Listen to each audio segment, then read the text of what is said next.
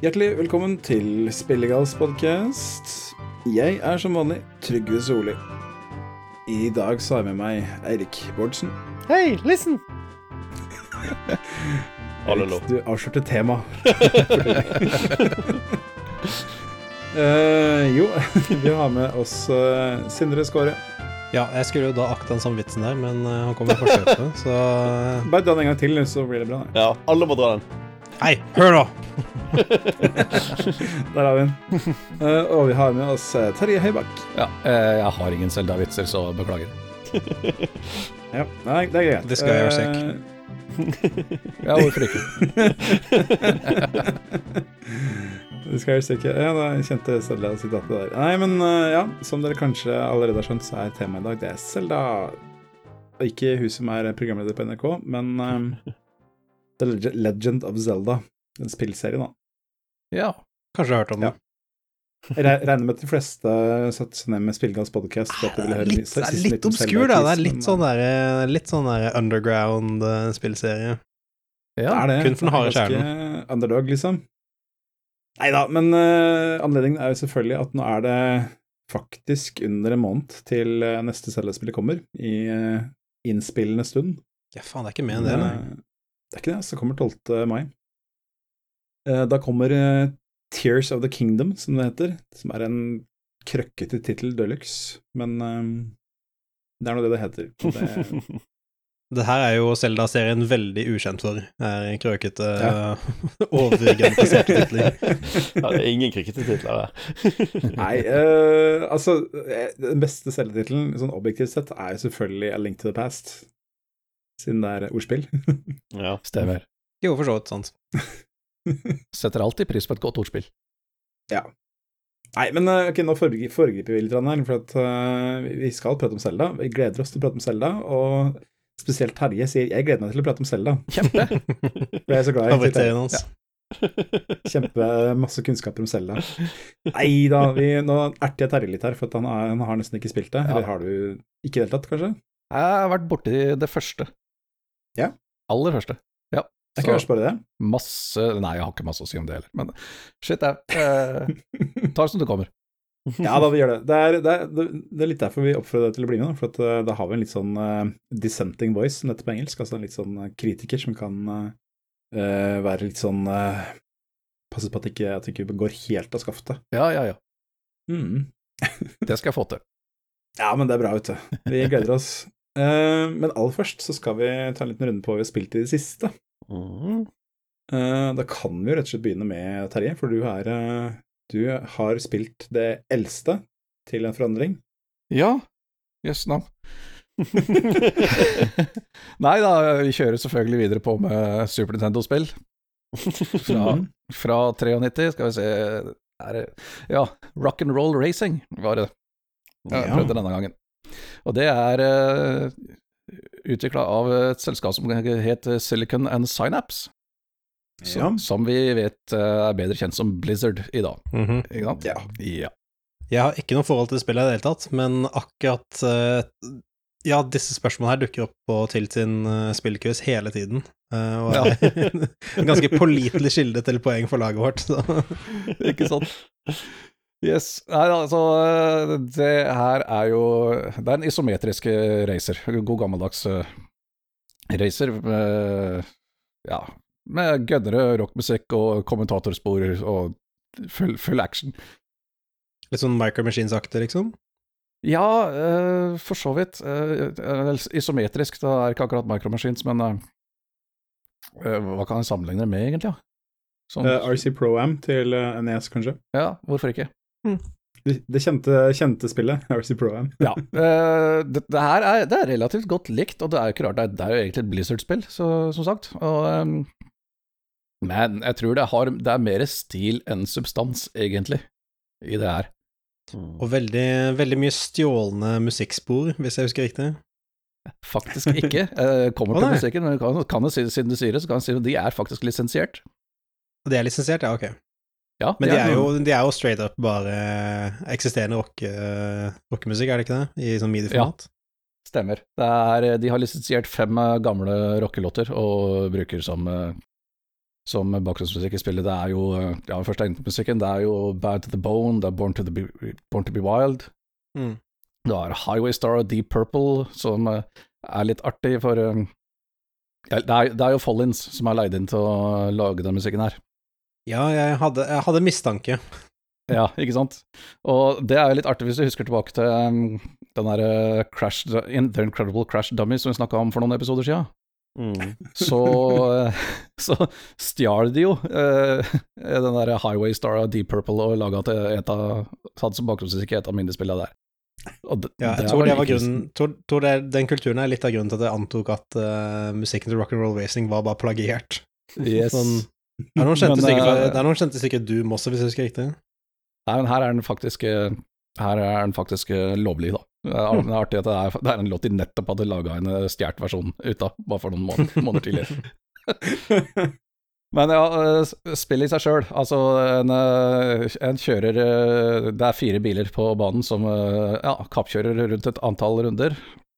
De har våpen, skyter hverandre, hin eh, hopp, hindringer, masse action.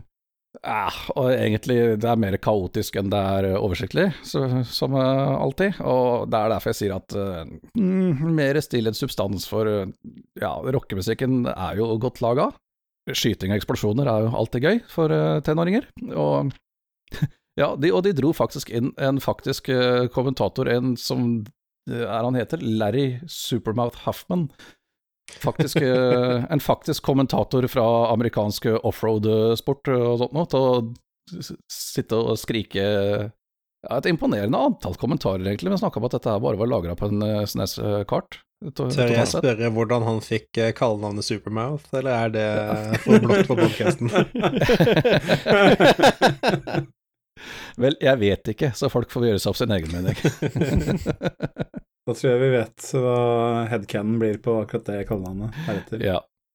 Men eh, Så, jeg, er- jeg er nysgjerrig på en ting eh, i forhold til eh, det Tim Pollin-biten her. Eh, ja. har han virkelig Har han bare over, eh, porta musikken til midi, liksom? Er det det jobben han har gjort? Eller er det Eh. egne spor òg? Nei, det er bare Det er ingen originale spor her. Så det, det Det- teller altså for prosjektet ditt? Bare å Ja, ja, ja. konvertere til midi? Ja, ja, altså en Eh, Actually så er det ikke midi på Super Nintendo. Ah, ok, men midi-ish, da. Konverterer til lofi. Det kan sammenlignes mer med trackermusikk, egentlig. Men, Ja, ja, ja. Det er, det er litt mer omfattende enn som så. Så, ja, det er eh, samples. mm, Mye, da. så du kan kalle det, kall det en coverversjon, da. ja, skjønner. Ja, ikke sant? Nei da, så uh, Man har flere karakterer man kan velge med å kjøre, og du, du kan finne blant annet Olaf the Viking fra The Lost Vikings. Ja, Lost Vikings, ja. Lost Vikings, Ja, ja. kan, eh, han har sin egen bil og kan, kan kjøre rundt her. Ja. Har du ikke Blackthorn òg, eller husker jeg feil? Jo, stemmer. Mm. Mm. Jeg tror det. Blackthorn var dritkult. Ja, så eh, Men det, det, det, det som er det, det er altfor langt, det der Demrad-spillet her. Det er passordsystem, da, så du kan jo bare slutte å, å fortsette når du vil. Men det, eh, det er flere divisjoner du skal kjøre, eller flere planeter, sånn fem-seks planeter du skal kjøre på, og det er flere divisjon, divisjoner på hver. Som eh, involverer alt fra 8 til 16 løp, liksom. Så du kan, Det er sånn kampanjemodus, ja. ja, rett og slett. Og det, er et oppgraderingssystem, eller poengsystem. Du må klare å vinne så og så mange poeng for å kunne rykke opp til neste divis- divisjon. Men eh, til spillets credit, altså, det er jo ikke game over hvis ikke du klarer det. Du må bare kjøre divisjonen på nytt, og da beholder du oppgraderingen og alt sammen du har skaffa, så du, liksom, du, du kan grinde deg opp til slutt til å komme videre uansett, da. Det er liksom ikke noe, egentlig ikke noe game over her, ser det ut til. Mm. Men uansett, det er, det er dritlangt. Du sitter og kjører de samme banene om igjen og om igjen og om igjen, og om igjen egentlig, og det Men jeg mistenker vel at dette var et spill som egentlig var ment for å spille sånn lokal multi eller med kompis og alt det der, eller tar jeg feil? Nei, antagelig. Ja. Det er vel Ok. Ja, det, Det var ikke designet som singleplay-spill. det er jo en toplayer-modus her. Det er jo ikke noe jeg har fått prøve, da. Så. Men jeg ser at uh, hadde det ikke vært for uh, våpen og sånne ting i det spillet her, så hadde det antakeligvis vært relativt lett å kjøre fra den kunstige intelligensen, da, for kjøre kan de jo faen ikke. Når det gjelder, å- når det gjelder å ta svinger og sånt noe riktig, og bare kutte svinger for å komme fort fram og sånne ting, det er helt ubrukelig. Sjøl på høyeste vanskelighetsgrad. Eneste høyeste vanskelighetsgrad de gjør, er å gi de masse mer våpen og mer oppgraderte biler. Så de er vanskeligere å slå. Så, eller alt blir bare mye mer kaotisk da, rett og slett. Er det Nå, nå fikk jeg plutselig en sånn minneflash her. Eh, er dette det spillet hvor AI-en ble helt ramponert hvis du begynte å rygge? Sånn når liksom sånn startskuddet går, så rygger du bakover i stedet. Og det tar vi For det er et eller annet spill jeg har hørt om, et sånt racingspill, hvor hvis du kjører ba bakover, så blir AI-en helt forvirret, og ender opp med bare basically bare kjøre bare konstant bare kjøre inn i en vegg eller, eller et eller annet. De bare blir helt sånn fucka. Og da kan du bare, be, og da kan du bare kjøre Etter at du har gjort det en liten stund, så kan du bare kjøre frem igjen og bare ta og kjøre hele løpet uten uh, noen motstandere. Fordi A-en blir bare Ikke slått noe ut. jeg, ikke noe jeg har oppdaga eller hørt om mens jeg har holdt på med det her, i hvert fall. Det kan jeg, kan jeg bare si. Da har Så- du noe å prøve etterpå. ja, ikke sant. Mm. Nei, eh, sånn, nei, jeg er det sånn sett. Ja, ja. For uh, Nei, det, ikke, det var ikke veldig spennende lenger. Det var artig en periode. For det, eh, Mm. ja, for, rett og slett fordi det er eh, Det er litt polert, da. Det, selv om uh, gameplay-messig så er det egentlig ganske grunt i det store og hele. Det er akademisk interessant, kan man si. Ikke sant. Men det er litt moro, for jeg, jeg spilte jo Jeg snakka om Rock'n'Roll Racing 2 før, på PlayStation Ja, 1. Det spilte jeg en eh, god del. Det er litt artig å se hvor mye til felles det egentlig har med oppgraderingssystemer og uh, det, hele den tournament-modusen, hvordan det fungerer. Det er mye som er likt, så det var litt moro, da. Mm. Jeg lurer litt Mm. nå på hvilket var det første spillet som kom på det konseptet med at ah, en bil, men hva om du kan liksom pælme bananskall og bomber og raketter på hverandre? Og det tror jeg er ganske gammelt. Ja, ikke sant? Skal vi se, kan det være Spy Hunter, da, som ikke er uh, billøp i seg sjøl, det bare er en uh, sånn der hemmelig agentbil som bare eh, kjører på en sånn uendelig uh, vertikalskrollende vei, og ja, du må presse andre fiendtlige agenter og skyte med maskingevær. Det vet du, det vet du, det vet nok du bedre enn meg, altså. Ja, det tror jeg, da tror jeg vi snakker 84 eller 85, en ar ar arcade-spill. Ok, da var jeg ikke født ennå.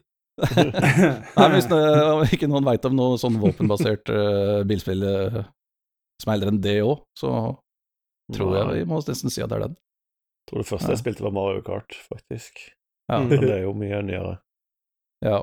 Nei, men eh, spennende greier. Kul musikk i hvert fall, om ikke annet. ja, altså de er godt laga, de versjonene. Det er artig. De var faktisk tre stykker om det, da. Det var jo Mm. Team det en Jeff Follin også en Fallen annen. da? Hæ? Har du funnet en tredje Fallen da? Ja, de, ja, han, ja, men de er tre. Altså, han, han det er det, ja, ok. største, Ja. ja, altså, hans største, største, størstebroren Mike Fallin er jo programmerer, koder. Mm. Ja, ja, så Men eh, det var ikke han, da. Det var en uh, tremann som het Matthew Cannon, Cannon som var med på det her. Mm. Og det, du må, Mm. måtte leite litt rundt på nettet for å finne grunn, den informasjonen, for i spillet så er eh, lyden bare kreditert til Software Creations, som er der de Ja. jobba. Skammelig. Mm. Så, eh, så Blizzard da, uh, hyra rett og slett eh, Software Creations til å lage musikken for seg. Spennende, spennende, spennende. Ja, Ja, det var artig greie. Eh, du kan forresten eh, spille det i dag. Altså, eh, Blizzard har gitt ut en sånn Arcade-samling. Bli- Ja, men der, der Ja, er det er sant, ikke det. den musikken med, da. Det må Eh. Jo, etter hva jeg leste, jeg har bare lest om det nå, men etter hva jeg leste, så kan du velge om du vil høre, du? om du vil høre den originale spillmusikken eller, eller eh, de originale sangene, originale Yes. studioversjonene av sangene, de samme sangene. Ja, nei, Jeg venta å lese at det, det var, de sa at det var ikke, var ikke snakk om at de skulle lisensiere de låtene på nytt for den nye versjonen, så de bare kutta oh. De begynte å lage noen, noen ny buttrock, men jeg vet ikke. nei, etter hva, hva jeg leste, så er det, fakt, så er det altså studioversjoner av de samme låtene. Den er god. Da er det Mandela-effekt på meg. Ja, kan, kan se på at hvis noen har nok clout til å få det der til, så er det nok Blizzard. Mm. Ja, ikke sant. Ja. Sorry, Activision Blizzard. Eller så kan spillet også ut på Megadrive. Den, eh, Mm. den versjonen har jeg ikke sett på, for eh, det var ikke, Det var ikke, de som lagde musikken. det var ikke de som laga musikken. Det er de samme låtene, men eh, og jeg husker ikke i huet farta hvem det var som var kreditert på Megadrive, men det er i hvert fall ikke dem. Ja. Så Noen jævla amatører, tenk, tenker jeg vi sier. Nei, det tror jeg ikke. Det, det, var, det var et kjent navn. Jeg burde egentlig ha notert meg det, men jeg har ikke det, så Ja, det er en kryss i boka, den der. Ja, ja, beklager. Beklager. beklager. Ja. Ja. Og så bare korrigere at si at det propere navnet på selskapet er vel faktisk Activision Blizzard King, er det ikke det? Ja, det er blitt King, det er King nå på slutten også, ja. Tror jeg. Ja, altså Microsoft uh, et eller annet sted inni der snart, da, sikkert. Microsoft Activision Blizzard King. ja. Vi får se. Om Nei ja, men vi får gå kronologisk videre. og da- Det er den som har spilt det neste kronologiske rekkefølgespill, det er Eirik. Som Ja. har spilt Hva har du spilt ferdig? Ja, jeg, det er ikke, det er ikke så mye å si da. Det er fortsatt på Mass Effect 2, og ble ferdig med det. Redda du alle på slutten? Ja. Det gjorde jeg. Reddet Ja, alt. Og jeg, bra. jeg var veldig sånn. Det var jeg bestemt på. At jeg, eh, jeg skulle ikke bruke guide. Jeg skulle ikke jukse. Så jeg måtte prøve å være smart. Så jeg klarte å redde alle Ja. uten å jukse. Da var jeg stolt. Nice. Uh, Hmm. men, uh, men ja, fy Det søren. Det, det spillet Det er litt sånn dumt å klage på at spill er for store, men jeg Når man, når man sjøl gjør det mot seg sjøl og gjør alt, eller, og ikke spre det ut, da. Jeg kunne jo spilt noe annet samtidig, men det har jeg ikke gjort da. Men jeg, jeg var ganske drittlei til slutt, jeg må si det. Jeg tror eh, Når jeg begynner på treeren, så, så må jeg spre det ut litt, fordi det er for bra til å skippe de der eh, eh, frivillige oppdragene som du kan ta i det spillet. Så Ja. det, er liksom, det er så Mm. mye kvalitet. Du får jo mulighet til å gå til slutten ganske tidlig. Du trenger jo bare Ja. bygge et sånn ganske lite team, og ikke gjøre noen av de der eh, loyalty missionsene. Men det er jo Det er det som, eh, det som gir eh, kjøtt på beina, den Ja. opplevelsen her, altså. mm, Det er faktisk en egen payoff også, hvis du faktisk gjør det. Mm. Ja. Det er det. Er en Ja, det skal, ja, det er vel lov å spoile Mass Effect 2, ikke? Ja, hvis- Mindre, Sindre har jo ikke spilt det. Jeg har hørt all diskursen rundt alle Mass Effect-spillene i mange år nå, så jeg tror jeg har fått med meg på en måte det grunnleggende, grunnleggende omrisset da, av hva som skjer i spillet. Ja, altså, det, det, er, det er ikke hovedplottet som er det store mm. spennende greiene i, i de spillene heller, så det er jo greit nok. Det er, Men, altså, det er jo veldig standard plott, Mm. det må sies. Endgame. Endgame starter i hvert fall med at det plutselig så blir hele crewet ditt kidnappa av fienden, eh, ikke sant? Mm. Og uh, du trenger ikke gå til endgame da, du kan fortsette å fullføre alt det andre du har av altså, side missions og sånt noe, men gjør du det, så redder du ikke mannskapet ditt heller. Mm. Men hvis, du går, men hvis du går til endgame med en gang, så redder du mannskapet ditt. Å, ja, fordi jeg hadde Ja. gjort alt for, før jeg gikk til det, for jeg trodde endgamet startet når du starta den missionen. Uh, men Ja, så får du du jeg- jo Gjør jo egentlig det, men hvis du venter for lenge fra mannskapet blir kidnappa, så, Ja. så, så dør de alle Mm. sammen. Ja, skjønner. Ja. Det Det, er det, kult. er, det, det som Jeg husker ikke hva den mission heter, men det er én mission. Når den dukker opp, når du kan ta den mission, det er en som heter sånn derre uh, Et eller annet med signal uh, booster Jeg husker ikke hva den heter. I hvert fall, Mm. det er en mission. Når du, når du får muligheten til å ta den, da starter timeren. Og hvis ikke du gjør det ferdig fort da, så Ja. dårlig. Yes. Ja, men- og det er det, men ja, selv- det, er det, det, det suger egentlig å ha en sånn timer, for ja, hvis du vet om det, da, så må du jo Du må jo bare Mm. skippe masse side missions og sånt hvis du faktisk vil gå inn for å Men det skal sies, da, at spillet er lagt opp sånn at hvis du Det er ganske tydelig hva som Fordi når du har fått et par, så sier de, spør de deg, i hvert fall i den der uh, remaken, uh, om du vil uh, Når du har liksom bygd opp det minimumsteamet ditt, så spør de vil du gå videre nå. Og du må gå hit hvis du vil gå videre. Så bare nei, jeg vil, jeg vil gjøre litt mer i galaksen. Og da starter ikke timeren, altså, for det jeg spilte sikkert 30 timer etter det, før jeg gikk Mm, og tok det mm, mm. oppdraget. Ja. Ja, det, jeg trodde det var endgame mission, nei, men det var jo tydelig Ja. men, Og da får du jo Legion, og det er etterpå. Men han har du tid til å gjøre Ja. loyalty mission for. For det gjør jeg. det, det, er, altså, det, det er, som du sier, Erik, så, så sier de ifra. Det er Mm. liksom Hvis du sier ja da, så får du den mission, og da kan du ta den, og da starter timeren. Ja. Men Ja, men jeg lurer på om ikke det stemmer, at uh, du får ikke Legion før etter den der Nei, du gjør ikke den det. tar- Den er en del av den missionen. Og Legion er jo en av de kuleste karakterene, så du, Mm. når, du- når du spiller spillet på nytt, da, så uh, vil vi jo ha, få låst opp Legion så tidlig som mulig. Ja, det hadde vært kult. for, for, for, å ha, litt tidligere. for å ha han med på så mye, så mye som mulig, men da, da er det mannskapet som er kidnappa. Det er fucked, altså. Legion er den roboten, ikke sant? Ja. Mm. Som fungerer på en Mm. måte som en maur, da. At han ikke har egne meninger, han er bare del av Hive ja, Mind, ja. på en måte. Hive Mind ja, robot, liksom Borg-aktig, ikke sant? Mm. ja, hva, er det, hva er det de heter igjen? Jeg glemte det heter. Uh, det er Geth. Geth var det vel. Geth er det selvfølgelig. Ja, takk. Geth your freak on. ja, det er dårlig gjort at ikke Geth At ikke Legion er sånn romance-option. Det ja. Bare alle, alle som drømte om å ha sex med PC-en sin, liksom. Ikke sant? Nei, men uh, altså Terje, du, du syns det var dumt at det var sånn timer. Jeg skjønner jo det, men altså Det jeg syns på en måte gjør Mass Effect 2 så bra, er det at øh, nettopp det at det er det derre presset på at du liksom Oi, her kan du faktisk ikke savescamme deg gjennom alt. Du må liksom Du må committe og bestemme deg for skal vi gjøre dette, skal vi gjøre dette, så får det konsekvenser. Og det er liksom ja. For Men det- det passer bra. Det er liksom en ålreit slutt på det spillet. Jeg, jeg syns faktisk det er litt kult, jeg òg, altså. Jeg Fordi jeg, Mm. eh, jeg reagerte på et tidligere spill når liksom alle de her sideoppdragene kommer. Har vi tid til å dra innom hjemplaneten min der jeg vokste opp for å gjøre noe greier? Altså bare du, Verden holder på å dø her, liksom. Vi kan ikke drive med sånne småtteri som det er. At det var litt kult at det faktisk er en konsekvens sånn. Det visste jeg ikke. Så jeg, jeg syns faktisk det er en positiv ting, jeg, når jeg, når jeg hører om det nå. Jeg, uten å vite om at det var sånn. Ja, ja. Så, så er det, altså, du, du, du sa det, du sa det Erik, at du syns det var litt langt. Mm, Jeg syns egentlig lengden er egentlig helt perfekt. mm. Det er um, Ja, det er mye du kan gjøre eh, ekstra, og det er liksom det er mye du vil gjøre ekstra. Men det er liksom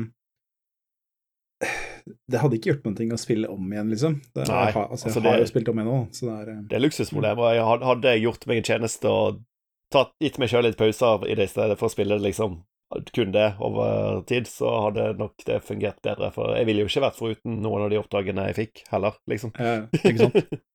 ja, Men eh, fikk, du, fikk du prate med Mordin, så han begynte å synge musical uh, showtunes for deg? Nei, det fikk jeg ikke. Gjør det. det er, ja, det er, du kan, du kan eh, Åh, jeg klarer ikke å huske hva den låta egentlig heter, men han synger en sånn derre showtune som er med tilpassa tekst til spillet, som heter Scientist Salarian, og den er basert på en sånn gammel eh, musical-låt. Ja, gøy. Det, det, jeg, det hørte jeg, har ikke hørt den, jeg hadde ikke hørt den originale låta, men tenkte bare aha, jeg skjønte, skjønte med en gang hva det var for noe, så det var litt artig. Men det er jo ikke egentlig veldig langt nei, av den typen spill. Sånn sett er det ikke sånn se mellom 30 og 40 timer. Jo. Jo, det er, hvis du, det er 100% 30-40 timer. Det okay. er, det, jeg mener å huske at jeg brukte 25-30 første gang. Ja. Ja. Det syns jeg er grei lengde på et rollespill. ja, det er jo kanskje det. Med de bevingede ord så tenker vi rykke videre. Mm. da, da går vi kronologisk, og nå sjekka jeg her i stad, Sindre. Jeg, det spillet jeg spilte, kom ut i juli 2019. Ditt spill kom ut i oktober 2019, så det er meg først. Den er, okay. den er gøy. yes. Uh, jeg har endelig, da, så har jeg plukka opp igjen et spill jeg har uh, som begynte å spille da det kom ut, og så lot ligge. Og da, Det er litt fordi at eh, jeg så det kom ut på Xbox, så tenkte jeg ja, kult, da vil jeg ha det på Xbox. Jeg kjøpte på Xbox. Eh, det er akkurat samme spillet, selvfølgelig, men eh, jeg tenkte dette tror jeg ikke solgte så bra, så, jeg- så jeg tenkte at de, kan, de skal få et, et salg til av meg. Det er stort av det. Ja, altså, jeg er glad for at jeg gjorde det, egentlig, for at uh, spillet jeg snakker om, det heter Horace. Altså navnet, det engelske navn- mannsnavnet Horace. Eller Horachi. Ja. Det er et eh, Det er faktisk, et, eh, det er faktisk et kjent navn.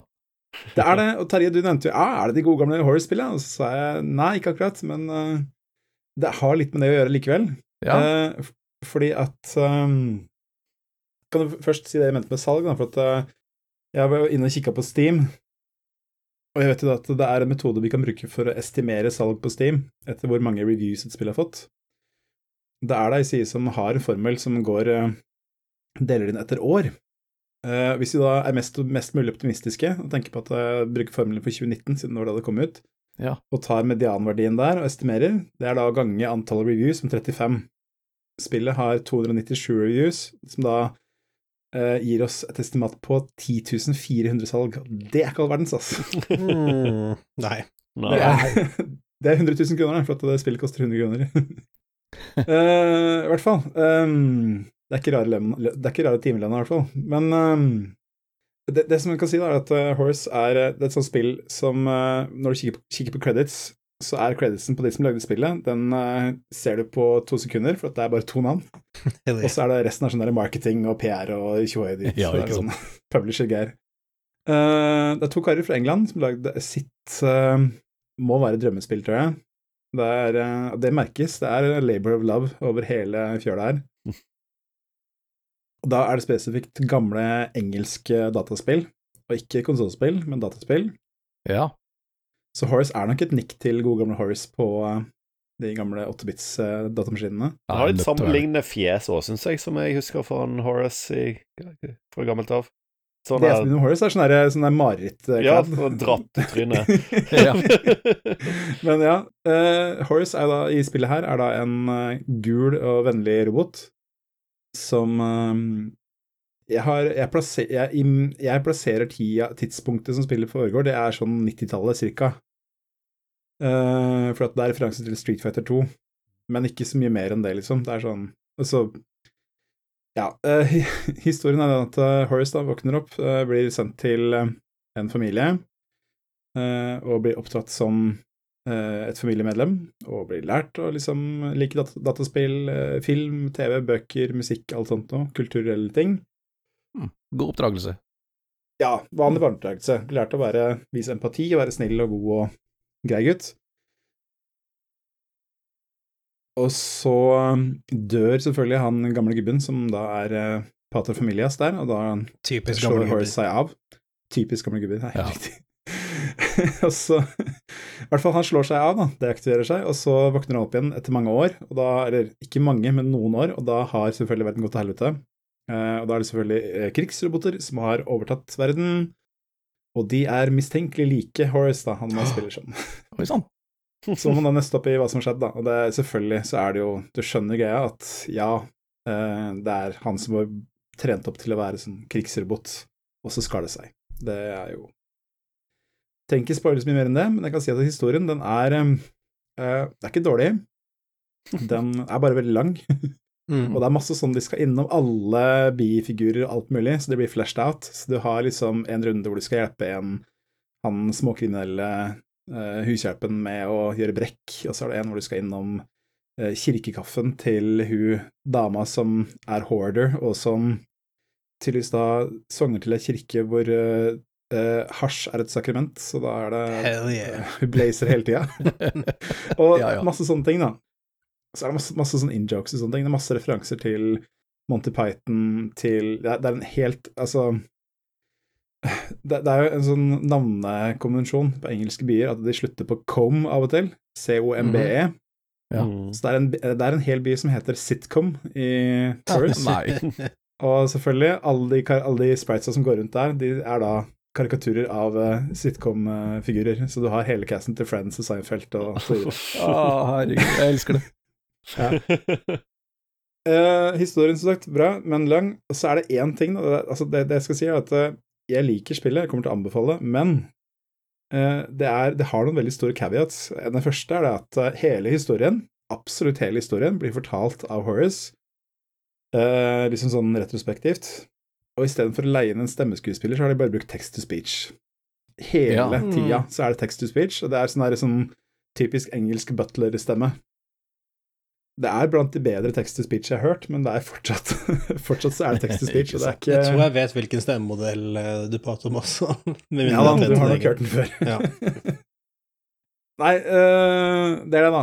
Hi- Altså, ja, historien er veldig lang, men egentlig ganske bra. Uh, og det er mye sånn Det er noe sånn litt sånn Oi, der, der gikk de Der gikk de der, der gikk de litt hardt. Noen ganger så kommer det en sånn en. Så det er litt ålreit. Det er liksom ikke bare sånn enkelt og basic. Nei. Men hjertet av spillet er jo et plattformspill, selvfølgelig. Og da av typen som man fant på uh, ZX Spectrum, uh, de her gamle 8-bits-maskinene. Det er noen veldig eksplisitte referanser til, MSX, nei, til ZX Spectrum, blant annet. Uh, det er et brett som foregår i den eh, fargepaletten som du hadde på ZX Spectrum, Kom, in, inkludert Color Clash, Color Clash, som det heter. Ja, ja, ja. Så det er sånne store blokker med samme farge på. det høres bra ut. ja. Snakker vi eh, Manic Miner og Jetset, Jet Willy-referanser her også, kanskje? ja, vi gjør det veldig. Ja. Det, er, det som er at uh, i det vanlige altså Når du er utafor den liksom one-offen, som er den uh, Spectrum-referansen, Ja. så er det også sånne ting som bare vandrer rundt, sånne hagesakser og kniver og støvler og sånne ting som går rundt, og som du må unngå. Ja, selvfølgelig. Mm. Men spillet har en, eh, har en uh, digetisk forklaring på hvorfor det er sånn, da. Så Ok. det er uh, Ja. Ja, det her må jeg nesten se på. Ja, ja, altså det er veldig, veldig verdt å sjekke ut hvis man liker sånne gamle spill. Uh, Men det som er den unike greia, er at uh, altså, han Horace, roboten, han har jo starter jo da med en ganske fiffig oppgradering, og det er det at han får sånne magiske sko som kan gå på alle overflater. Ja. Og det holder bare å hoppe, så klistrer du deg på veggen eller taket eller gulvet igjen hvis du vil det. Eh, og det er eh, veldig mye kult du kan gjøre med det. Eh, det, er ikke noe, noe fallskade eller noe sånt noe. Men hvis du prøver deg på å gå i taket utendørs, og så hoppe ut utafor taket, altså, altså da opp i lufta, Ja. Så, så faller du bare en viss uh, lengde, og så klipper spillet til en cutscene, Ja. hvor du da ser jord, jordkloden utenfra, så kommer Horace seilende ut i banen, så bare spiller sånn der uh, Annen Blown Noob mens du seiler ut i verdensrommet. så um, ja, så er det musikken. Um, det er um, i hvert fall et sånn hovedtema som går igjen, um, som er ganske ålreit. Det er sånn pianostykke. Og så er det noen sånne klassiske låter som de har brukt. Altså, det var jo det var litt sånn, i hvert fall på Spektrum, at man brukte sånn klassisk musikk og sånne ting. Uh, så du har uh, Til Elise, du har uh, Jimmy Pedy med Erik Satie, du har I Dovregubbens hall, selvfølgelig. Sånne ting. Eh, noen av de er veldig bra, eh, men Til Elise er spilt med sånn rytmeboks eh, type Casio og med synt-saksofon. Den klarte ikke jeg å bli helt kompis med. Altså. Ja ja, de Ikke prøvde. lov Ja. fan, nei. De prøvde.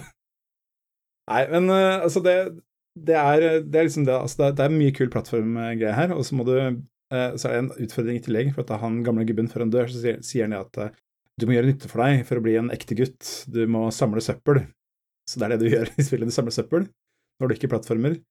Og det han sier, er at du må samle en million eh, biter med søppel før du kan bli en ekte gutt. da. Så det må du gjøre i spillet. Eller du må ikke, men du kan. Jeg har en stygg mistanke om at det er totalt en million biter søppel. da. Det er ikke sånn at det er en million sånne items, men det er at eh, verdien av dem da, går, eh, den blir til sammen en million. Ja, ok, da begynte jeg å lure, Så- for én million individuelle biter Er det Det er vel ganske heftig, ja. Det er, det er litt sånn rart, for det er jo også sånn oppgraderinger og sånn nå. Og altså, jeg var jo Jeg liker jo å samle ting i spill, så jeg hadde jo nok med sånn scrap, og det er jo Du får penger for det scrappet du samler, selvfølgelig. Så, og så så jeg at ting kosta 50 000 og 80 000 pund og sånn nå. Mm. Så tenkte jeg å ja, ja vel. Så veksla jeg scrappet mitt og visste at ja, jeg fikk 200 000 scraps, eh, eller pund, da, for den Ja. første ladningen med scrap. Så det var ikke noe stort problem allikevel. Veldig greit. okay. Yes. Det siste ankepunktet, da. Spillet starter ikke før etter at du har spilt i sånn ja, seks, sju, åtte timer, kanskje. Det er, du må liksom Altså, når jeg sier det, så er det en liten overdrivelse, men du må liksom samle Du må liksom samle alle folka, da, etter at eh, du har våknet opp og krigen er et, har eh, vært et faktum, da. Og så kan du begynne på liksom å skulle fikse ting igjen, da. Og da skal du liksom gå rundt i, den der, i det herskapshuset som han gamle gubben bodde i, som da igjen er en veldig eksplisitt referanse til uh, Manic Miner og Jet Set Willy. Ja. Uh, og det er, uh, for å si det sånn, det er ganske vanskelig. jeg sjekka Steam-forumet, og det er sånn Jeg tror ni av ti etter året var sånn der This game is too fucking hard. Det var, liksom, det, var det. men, uh, altså, men det er moro. Og så er det sånn at det er selvfølgelig Det er et moderne spill, så det er instant restart. Og så, og så er det en fiffig ting, at du kan velge om du vil spille med ekstraliv eller ikke. Ja. Jeg valgte å spille uten, da. Det er uh, for at jeg syns det var mest sånn passende. Mm. Men du kan ha ekstraliv hvis du vil. Da Det bare slår du på som du vil. Eh, Jeg sa jo til, Da vi snakka om achievements, så sa jeg at det er et achievement i Hyperlight Drifter hvor du skal dø tusen ganger, det er umulig å få til. Hvis ikke du bare grinder og dør i en hel dag, liksom. Mm. Eh, Det er et achievement i Horace for å dø tusen ganger. Det har jeg tatt for lenge sida. Såpass, ja, ok. Så det er sånn, det er, altså det er, det er bosskampene er sånn, nei, du bruker 100 liv på det, liksom. Det er eh, null stress. Jeg ble plutselig litt mer betenkt om å prøve det her likevel.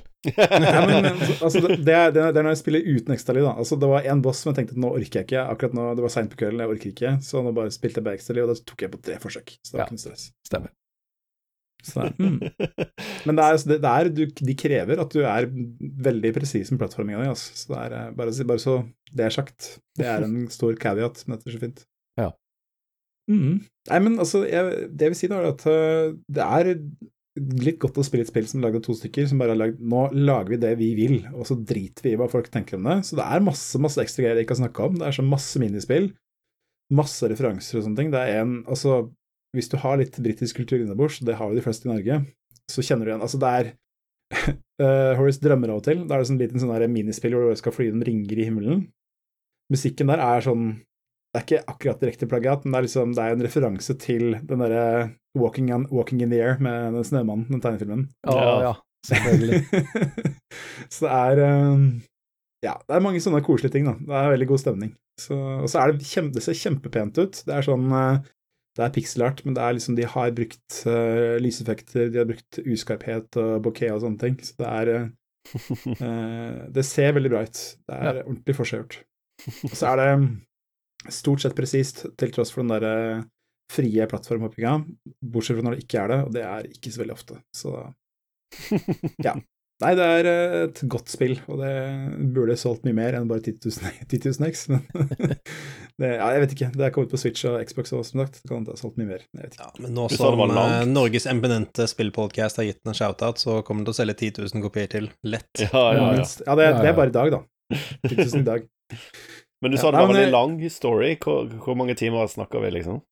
Ja, jeg er ikke ferdig med det, men jeg nærmer meg slutten. da. Nå har jeg liksom markøren for siste bossen på kartet, og um, det, det påstås 15 timer for 100 Ok. Så Mm. det er ikke så superlangt, men liksom Mm. Jeg har vel brukt uh, kanskje 10-11 timer, tenker jeg. Men jeg, jeg tar med tid, da. Utforsker ting mange ganger for å finne alt og sånne ting. Så det er Ja, bra. Mm. Og da, vet du Da, eh, Sindre, du er sist, sistemann ute, for at du har spilt eh, et spill som kom ut eh, tre måneder etter det jeg spilte. Ja, ikke sant?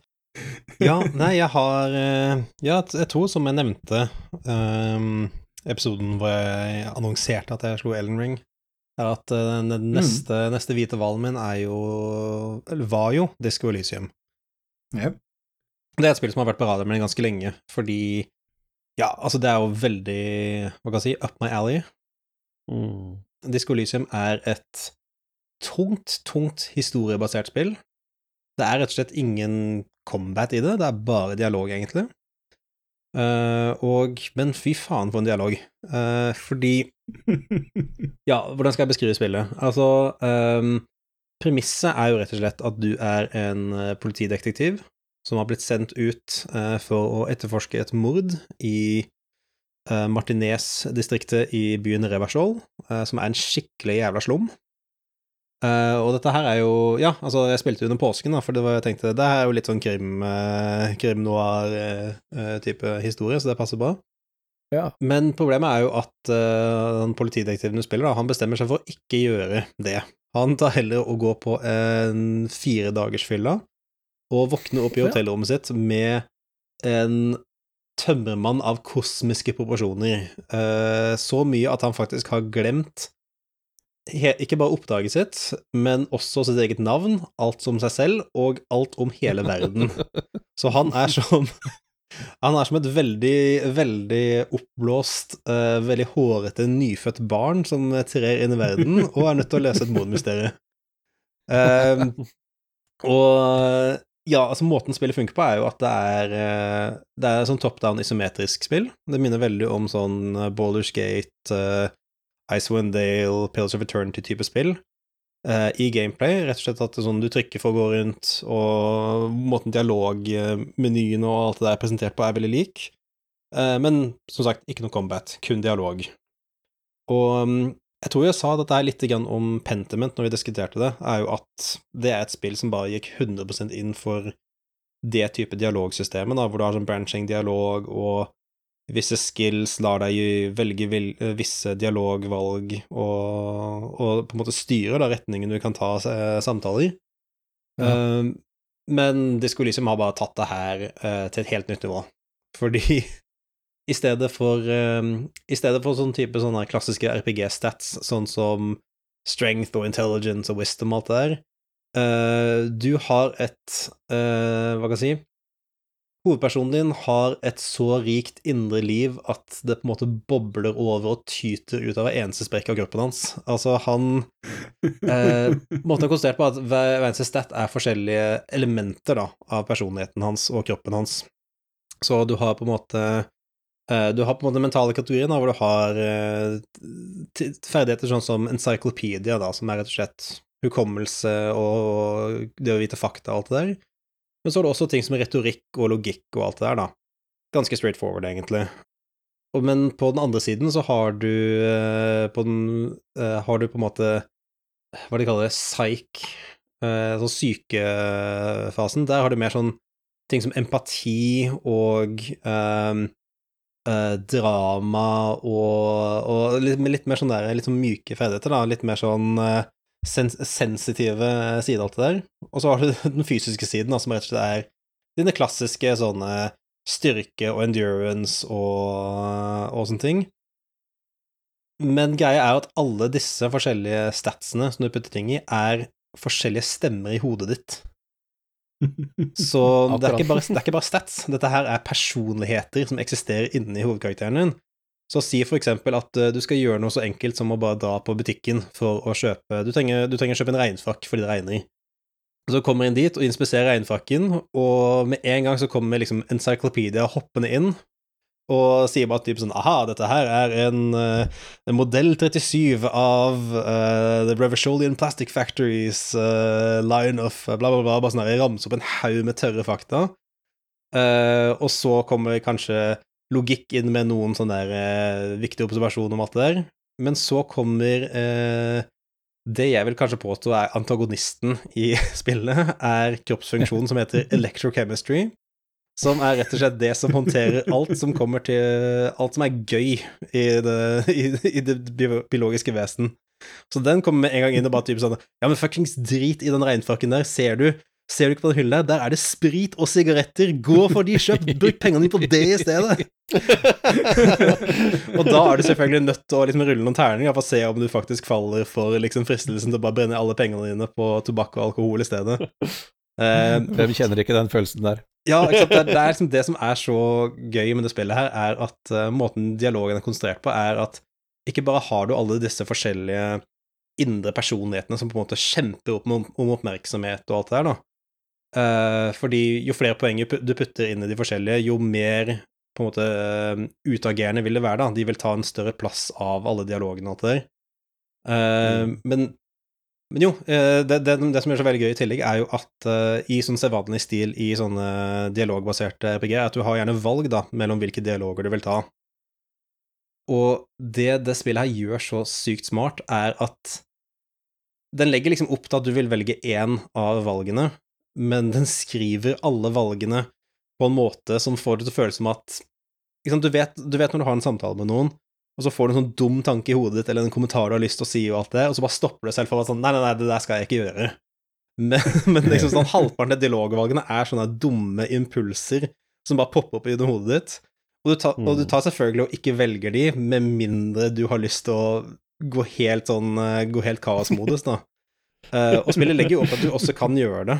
Uh, så du kan enten spille det som en uh, uh, en skikkelig burnout-politimann som prøver så godt han kan da, og prøver å karre seg på bena igjen og løse sakene og alt det der. Eller så kan det bare være en total huleboer Noldus som bare fucker opp hver eneste ting i livet sitt, og bare er på en skikkelig sånn selvdestruktiv tur. Ikke sant? Men ja, det, det dialogsystemet er faen meg noe forskjellig, ass, fordi jeg tror du kan ha uendelig mange forskjellige spillopplevelser bare basert på hvilke av disse aspektene du putter mest sånn skill points inn i. Altså, du kan være en ekstremt emosjonell, sensitiv, nesten sånn psychic reader-type politimann, som er det jeg gjorde. Eller så kan det bare være en total sånn derre kun kjøre på instinkt og uh, er veldig sånn, hva kan jeg si veldig sånn fysisk type, da, eh, som bare ikke har noe som helst til å gå ned i topplokket, men bare går på ren eh, magefølelse, liksom. Um, ja, det er, det er, så Altså, det er virkelig ufattelige mengder med skriving i det spillet der. Altså, ting brancher ja. ut så bredt og så uh, dypt at uh, jeg ble konstant overrasket over at sånn, de dummeste lille sånn der, og nå har jeg bare lyst til å bare prate med den personen her fordi det, han virker morsom, og så bare starte en helt gigantisk sånn, sånn dialog som var i to timer, liksom, og så plutselig har jeg startet en ny Quest Chain og hele pakka. Nei, det er um, det, er, det er et imponerende stykke arbeid, altså. Bare sånn all energien puttet i et dialogsystem. Mm. Mm. Ja har stått på listen min lenge òg, altså. Jeg, mm. Eh, jeg syns det der å spille som en total idiot virker altså. ja. så den, den, Det er en tiltalende greie, altså. Å være sånn total kaos. Jeg kan avsløre at selv om du putter alle poengene inn i intelligens, så er ikke du mindre idiot, for, det, for å si det så. Nei. Nei, men uh, det her har vært på, også vært på radaren min mm. lenge. Altså Alt jeg hører om det spillet her, høres dritinteressant ut. Men uh, mm, ja. det er som du sier, at det, det her spillet er jo et som det belønner å spille det igjen og igjen og igjen, på mm. forskjellige måter. Så hvor langt er det i utgangspunktet, egentlig? Ja, altså jeg sånn, På Steam-siden min så har jeg jo brukt over 100 timer på det, men det er jo fordi jeg har spilt Ja. og så har jeg latt PC-en stå idle over kvelden fordi jeg glemmer å logge av. Så jeg, ifølge How Long To Beat så sier de ca. 30 timer. Mm. Så litt over, Mm. litt over 40 hvis du er sånn completionist, liksom. Så ja, rundt 30 Ja, for timer. det høres, det høres ut som en helt vanvittig timesink, eh, egentlig. Ja, Mm. men jeg tror det er sånn det, er det, det er det eneste som jeg har vært litt redd for å holde meg igjen, egentlig. Ja, jeg tror, det, jeg tror det bare holder å spille gjennom én gang, egentlig. Sånn, jeg er veldig fornøyd med den Ja. jeg har hatt, og jeg satt og tenkte å, la meg ta en ny run med et annet build, eh, annen build, på en måte, da. Men jeg har egentlig ikke så veldig lyst til det nå lenger, etter å ha spilt det, for jeg føler sånn det, det, det, det her er liksom kanon. Dette her er liksom Dette Ja, er han Dette er han jeg spilte, og dette er historien hans. Jeg har ikke lyst til å kødde med den, liksom. For Nei, dette så- dialogsystemet høres veldig ut som en eh, enda dypere versjon av det som var det nyeste Torment-spillet, det er Torment Tides of Ja. Nominera. Som, Yes, det, eh, det, det minner veldig om det. Ja. Og det, det, det elska jeg, men det, Mm. det var akkurat det samme. Det, at du kunne være i et område med en tre-fire personer i, og skulle bare liksom kjapt snakke med de før du går videre. Ja, Nei, ja. det var hele den, kvelden, det var hele den kvelden, det var hele den spillsessionen din. Ja, ikke sant, for det er sånn Altså, jeg har jo nevnt det før, jeg er jo den typen som spiller Deus Ex og leser hver eneste e-post og hver eneste Post-It-lapp på magasinet jeg finner, liksom. Uh, det, det, er det noen andre måter å spille på? ja, ikke sant? Nei, det ikke det. Og det spillet her er jo en som virkelig belønner deg for den mentaliteten. Altså, hvis du syns det er gøy å lese uh, dialog og alt det der, så er det Det er så mye godis her, og det er så mye sånn små detaljer og alt det der. Og, det skal også sies, altså sånn det, det spillet virkelig blir båret på, er jo at skrivingen er sinnssykt bra. Sånn, eh, som sagt, altså, du har alle disse forskjellige stemmene i hodet ditt, eh, eller i hodet og i kroppen din. Eh, Mm. men alle de har- er så veldig sånn distinkte personligheter og ekstremt uttrykksfulle. Eh, men så er det også for, for, for alle de forskjellige figurene da, du møter i løpet av spillet, eh, er også sånn ekstremt bra skrevet og velrealiserte. Og ikke minst, uh, i Final Cut, som er den versjonen som er ute nå, er jo alt voice-acta, som er borderline absurd med tanke på mengden med skriving som er i det spillet. Ja, altså, i, I den typen spill så syns jeg ikke voice acting nødvendigvis er positivt. Og voice-actingen er så Voice-actingen legger så mye til i det spillet her. Altså, jeg, jeg tenker gjerne det samme også, men her funker Ja. det så sinnssykt bra, altså. Særlig han eh, Han partneren din, Kim Kutaragi, eh, han er sånn Han er sånn straight man til din sånn fullstendig rager, alcoholic, uh, burnout-type. Og han spiller den rollen så perfekt. Altså, så Stemmen hans er så tørr og pertentlig. Og det er sånn der, jeg, jeg ser for meg sånn, Hadde jeg spilt der på mute, så hadde det ikke vært like fornøyelig, liksom. Bare fordi uh, voice-actingen er så on point. Ja. Mm. Det eneste er, eh, når det er så mye dialog eller så mye tekst, da, så har jeg en tendens til å Jeg, jeg leser ifra eh, Ja. skuespilleren, ikke sant? Jeg må innrømme, jeg skippa Det er noen, det er noen dialoger jeg skippa sjøl. Ja, ikke sant. Ja. Det blir ofte sånn at jeg har lest ferdig hele tekstparken, og så må Mm. jeg sitte og vente på at eh, stemmeskuespilleren skal ta meg igjen for å gå videre, hvis jeg vil høre ferdig voice-actingen, da. ikke sant? Mm. Ikke sant? Det er liksom Eller i Mm. mange, mange sånne spill så Jeg tar rett og slett bare slår eh, voice- voice-actinga av. Mm -hmm. se, selv, om den er, selv om den er bra. For du kommer deg veldig mye fortere gjennom dialoger og dialogtrær. Ja, absolutt. lest det. Ja, men det er sånn, jeg tror det er sånn, jeg tok jo Jeg begynte å skippe gjennom en del, en del voice acting, bare fordi sånn Ok, jeg, jeg, nå har jeg Det er interessant, eh, interessant liksom sånn worldbuilding og skildring av detaljer i verden og alt det der. Eh, men nå har jeg lest det, nå vil jeg bare klikke meg videre. Eh, men for Ja, eksempel i de virkelig dramatiske øyeblikkene, for eksempel hvor du må vet du hva, prate med Prate med konen til eh, en, eh, et mordoffer, liksom, og forklare dem at mannen hennes er død og alt det der, da har jeg ikke mot meg til å skippe, liksom, for det er, eh, det er et høyt dramatisk øyeblikk, liksom. Ja. Så Mm. en ting som jeg var veldig var over da, med eh, skrivingen i Disco Elysium, var jo at jeg visste jo at alle sa jo at skrivingen er kjempegod, eh, og at voice acting er god. Uh, også veldig klar over at eh, det er et spill som har, uh, hva kan jeg si, veldig, veldig sterke politiske meninger. Uh, oh.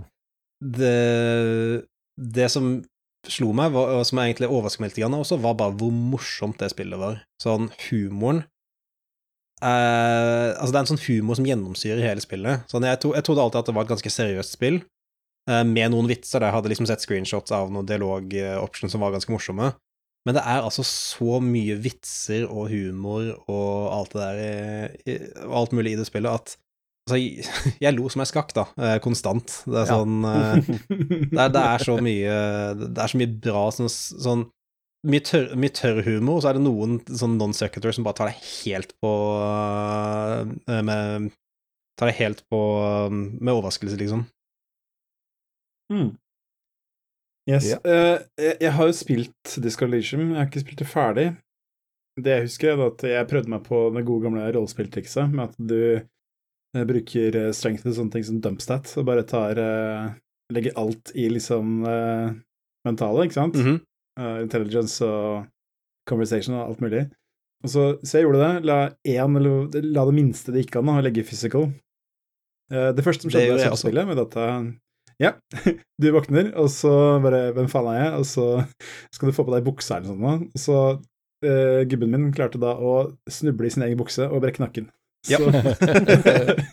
Jeg, jeg, kom, jeg, kom litt, jeg kom litt lenger enn det. Jeg, jeg gikk ut og sparket en postkasse og fikk så vondt i foten at jeg døde av et hjerteattakk.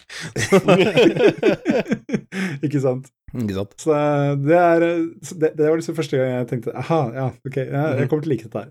Ja, hvis, men hvis systemet er godt laga, så er eh, strength eh, vel så viktig i dialogen. Ja, ja. Det var Men- det i hvert fall i, i Torment til The Tides of Numenera. For eh, hvis du ville ha di- dialog option som handla om å være, litt truende da, eller, Mhm. og krevende, så, så var det strength eh, den sjekka, for å se om Mm. du fikk suksess på det. Ja, ja. Nei, det er, det, altså, det er jo det er, Jeg tror det er fire forskjellige skills du kan putte tingene i for å være truende på forskjellige måter. Du kan liksom være Ja. Du kan være empatisk truende, du kan være fysisk truende, eller så kan du Uh, ja, være retorisk overbevisende og alt det der, da. Ja, det høres min- ut som et mye dypere system. Ja, min favorittskill som jeg, som jeg gjorde til på en måte mitt fokus, var jo en som het Inland Empire. eh, Yes. Som er beskrevet som Altså, det er jo oppkalt etter en David Lynch-film, så det sier jo lite grann. Ja, ja. Den er bare beskrevet som Dreams in the Waking World, eh, hvor basically du er bare Du er schizofren? Spørsmålstegn? Sånn du mm -hmm. uh, du virker som du er hypersensitiv for uh, rare fantasi, uh, fostre og rare tanker og alt det der. Hvor blant annet du ender opp i intense dialoger med slipset ditt, og eh, prater med postkasser og lik og eh, hva annet. Og det er veldig sånn okay. uforklart om ok, er dette her bare fantasien din, eller er du Har du tappa inn i et, en eller annen form for sånn psykisk eh, hive mind eller et eller annet? Fordi det viser at veldig mange av disse absurde hunchene dine har faktisk noe for seg. Så Yes. Ja. Jeg, jeg klarte ikke å motstå Inland Empire da jeg spilte, jeg heller. nei, den er, det er virkelig en av de beste. Men um, Herlig. Nei, bare for å rappe Mhm. opp litt igjen, sånn um, Jeg spilte gjennom uh, Spilte gjennom hele uh, Begynte å spille over påsken, uh, og jeg runda det nå i går kveld, faktisk. Ganske ferskt. Ja. Men jeg vil si at skal du spille gjennom det, så må du være komfortabel med å feile, uh, fordi ofte så er Ofte er det å feile checks, sånn du, du ruller terninger for å se om du får til et eller annet. Eh, ofte så er, er liksom resultatene av å drite det ut mye mer interessante enn å faktisk eh, sitte og liksom trykke kontroll uh, F5 og for quicksave, gjøre en check, når du feiler den, så klikker du F8 for reload, og bare prøve den på nytt og minutt igjen. Ikke spill sånn. Ja. Det tar all moroa ut av det. Du må liksom leve med nederlaget ditt. Mm. Og det var jo det jeg Det er, gjorde eh, Ja. Det er god design, altså. Når det, liksom, det skal være interessant å feile også. Ja. For du Mm. kan For det skal jeg si, du kan komme gjennom, du kan komme gjennom hele historien til spillet her ved å feile hver eneste check. Sånn, det er mulig å runde spillet bare som den største fuck-upen i verden. Så du blir ikke stengt ute fra noe i det hele tatt. Det bare går ikke like bra nødvendigvis. Og det var på en måte første runnen min, da, var at uh, jeg fikk jo den verste slutten du kan tenke deg. Uh, og så tok jeg loadet den siste dagen og spilte på nytt igjen, og tok og rappa opp på en måte masse loose ends og sånt, da. Og igjen, dette er jo en ting, det med replay-verdien, er jo at jeg, jeg trodde jeg hadde gjort det meste som var verdt å gjøre siste dagen. Uh, men når jeg gikk tilbake igjen for bare sånn, ok, kanskje jeg burde gjøre det her sånn at jeg kan få en bedre slutt, så fant jeg så mye sideinnhold og ekstragreier, og det er en gigantisk sånn der eh, side story-greie som basically er en gigantisk scooter-referanse. Eh, Ja. så det er sånn der, det er så mye Det er, det er så mye innhold og, og, og ting å liksom gjøre og, og finne i det spillet her som bare konstant overrasket meg. Mm. Yes. Nei, eh, min, min playthrough den ble stoppa da jeg fikk høre at de skulle gi ut den der final cut-versjonen, så jeg Ja. venta på den, og så kom jeg ikke i gang igjen. Men um, skal spilles. Um, ja. Dette her, det, eh, i, altså. konklu I konklusjon, dette her er et av de Dette har nå joina en av listen av spill som jeg tar og maser på at folk skal spille hele tiden, uh, sammen, med, sammen med Outer Wilds. Ja. Mhm. yes. Nei, men eh, det, er verdt å merke seg at uh, altså, de som lagde spillet uh, Zaum, heter ikke Zaum, det? ja. Zaum, ja. Et, ja. de er opprinnelig fra Estland, de ja, jeg tror det er estlandske. Estlandsk kunstnerkollektiv. Mm. Ja. Ah. Der har det vært noe krøll og noe kontroverser i det siste Ja, tida, så det spørs så- om det kommer noe mer. Nei, jeg tror, jeg tror det ligger dårlig an. Fordi jeg har ikke satt meg ordentlig inn i helt hva saken her var, men jeg tror det basically var at på en måte the creative, creative leads da, av det spillet, altså skriveren og eh, art directoren, jeg tror de basically hadde en falling out med ja, resten av på en måte kollektivet, og særlig de folka som satt med pengepungen, da, Investoren investorene og alt det der. Jeg tror de på en måte hadde en svær krangel der og ble sånn skviset ut av eh, kollektivet. Så um, Mm. ja, på en måte kjernen da, til prosjektet har eh, forlatt Zaum, men jeg håper da at de fortsetter å lage bra ting, selv om det ikke nødvendigvis er Disco Lysium 2, da. Om noe så håper jeg de Mm. lager noe helt nytt, bare i, med samme sensibilitet. Mm. Ja, ja. ja, men der har vi noen klare anbefalinger. Mm.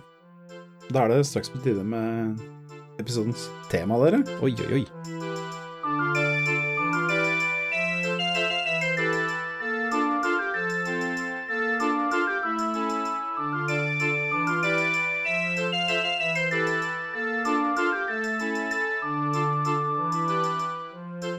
Ja, da er det denne episodens tema. Jeg skulle, jeg skulle til å si ukens tema, men nå har vi ikke ukentlig sending lenger. Ja, det er sånn Så litt hipp som happ. Ja. Ja. ja. Episodens men selvfølgelig. Det, episodens tema. Denne gangens tema. Nei, men eh, ok. eh, Temaet er i hvert fall The- The Legend of Zelda, Mm. som da er um, Blei da tvunget gjennom med hard hånd av meg, fordi Å nei, ikke Selda. Fordi en liker- serie jeg hater.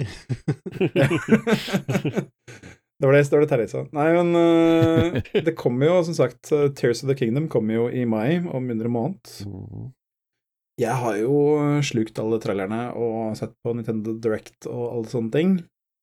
Men eh, jeg tenkte før vi kommer så langt uh, Sier ikke så mye om uh, Tears før det har kommet, tenker jeg. Vi kan jo si litt om hva vi håper på. Men uh, jeg syns det er litt ålreit å ta en liten sånn uh, lite tilbakeblikk, da. Ja. På hva som har kommet før. Går ut fra at Tears of the Kingdom kommer til å dukke opp i hva har vi spilt i den siste delen. Ja, høyst sannsynlig. Eh, ja, det er fare for det, altså. Ja. Men Så- skal, vi, skal, vi, skal vi prate om det nå, eller tar vi gamle spillene først? Nei, vi, vi tar eh, Jeg tenker at eh, det jeg på en måte skrev opp litt for eh, temaet nå, det var jo det at liksom, Ja, sånn favoritter, sånn ting. Altså, vi har snakka om en Zelda showdown. Altså, jeg syns liksom ikke det gir så mye mening, for det er liksom Ja, Det altså, er, eh, og selv, og selv er showdown, forrige showdown vår, Final Fantasy Showdown, var bare med at vi bare pratet om alle tingene vi likte med spillene vi liker. Ja. Og ingen var uenig med hverandre, egentlig. Så. Nei, ikke sant. Så det, liksom, det blir litt sånn, blir litt sånn tullete. Det er mm. Det var jo Eurogamer hadde jo en liste i anledning Mario-filmen at uh, beste Super Mario-spillet Mm. var sånn Ja, Ja. det er, det er ikke så veldig spennende, egentlig. Det er um... Super Mario Sunshine vant alle, alle listene, så klart. Ja. Alltid Sunshine. Sunshine og Mario 2. Ja, ikke sant. Nei, så det var eh, altså Selvfølgelig. eh, nei, men altså Poenget mitt er at er- er på en måte Det er en serie som eh, har mange høydepunkter, og mange personlige minner for meg, i hvert fall. Mm. Så litt om hvorfor det er interessant med Hvorfor Zelda-serien fortsatt er interessant, da. Da, da starter jeg rett og slett litt sånn nepotisme her. Mm. Det er på sin plass. Nei, altså, for min egen del, da. Altså, det første Zelda-spillet, det er jo ikke i dag så er ikke det spesielt imponerende. Det er jo Det ser ganske kjipt ut. og Det er veldig sånn formelprega. Det heter bare Legend of Zelda, ikke sant? Ja da, det stemmer det. Mm. Uh, vi- altså, den uh, eh, Skal vi se, var det den, den Jo, uh, den japanske tittelen er jo, som vi alle vet, det er uh, Zerudan og Densets uh, Ah, uh, Hyrulo. Hyrule of Fantasy. Ja, Det er ikke noe sånt nå. alle Nei, visste, altså- alle visste det. jeg hadde, hadde tatovert på knokene mine, jeg. Nei, men altså, det er eh, altså, The Hyrule Fantasy, Legend of Zelda, er den japanske tittelen. Sier ikke så mye, det heller. Men uh, det la liksom formelen for serien uh, veldig sterkt. Men det som på en måte var eh, uh, Gjorde at det satte seg så sterkt hos meg, da, var at jeg, jeg, altså, jeg var jo sju år gammel da jeg spilte det for første gang, og det gjorde jo et enormt inntrykk. Eh, for jeg hadde jo spilt den type spill før, liksom, sånn med liksom rollespillting og uh, eventyrspill og sånt noe, på PC. Uh, og det var jo kronglete greier som ikke så spesielt bra ut. Eh, og så eh, besøkte jeg kompisen min som hadde NES og spilte Selda med veldig, veldig kul musikk. Mye bedre enn PC Speakers, var det jeg hadde på den tida. Med masse farger, masse monstre, og så var det det at du eh, styrte eh, hovedkarakteren direkte. Eh, hadde våpen som du oppgraderte i løpet av spillet, fikk nytt utstyr, samla opp eh, penger og kjøpte deg ting og sånne ting. Mm. Og utforska liksom at det var sånn Det var liksom veldig sånn klart avgrensa. At du, her har du én eh, dungeon, og så tar du den, får en ting, går videre til neste, og så. Og så låser du opp nye områder gjennom at du får nytt, nytt, nytt, nytt utstyr. Og det var Jeg hadde jo aldri sett det før. Det var liksom noe helt nytt. Og det var det jo for alle, for det var ingen spill som var som Zelda da det kom. Så, så ja, det er basic, men det var en revolusjon da det kom, altså. Jeg har jo egentlig jeg har aldri tenkt på det på måten måten, egentlig. Fordi jeg, så Zelda er jo en formel som har blitt kopiert og, og har inspirert masse andre spill og alt det i ettertid. Eh, Mm. Så jeg har aldri tenkt på at liksom Zelda var en av de første som gjorde det, på, på mange måter. For det, det føles så universalt ut nå, liksom. Mm. Det da. Ikke sant? Altså, det, jeg sier ikke at det var liksom helt uten sidestykke, sånn sett. Altså det, altså, det var jo Mange av de klassiske eventyrspillene på 8-bits-maskiner kjørte jo litt samme formelen. Eh, tenker på uh, Rare sine spill, eller altså Mm. Ultimate Play the Game, som det het Ja. på den tida. var litt samme greia. Men det var liksom mye, mye mer sånn slikt i Legend of Zelda. Og så var det det at eh, noe annet som var helt sinnssykt, var det at, som jeg også kjente til fra PC-verdenen, var at du kunne lagre i spillet ditt. Mm. Eh, det, var jo, det kunne du ikke på NES før. det var det første det spillet sant, med sånn det. batteri det var ja, det, Ja.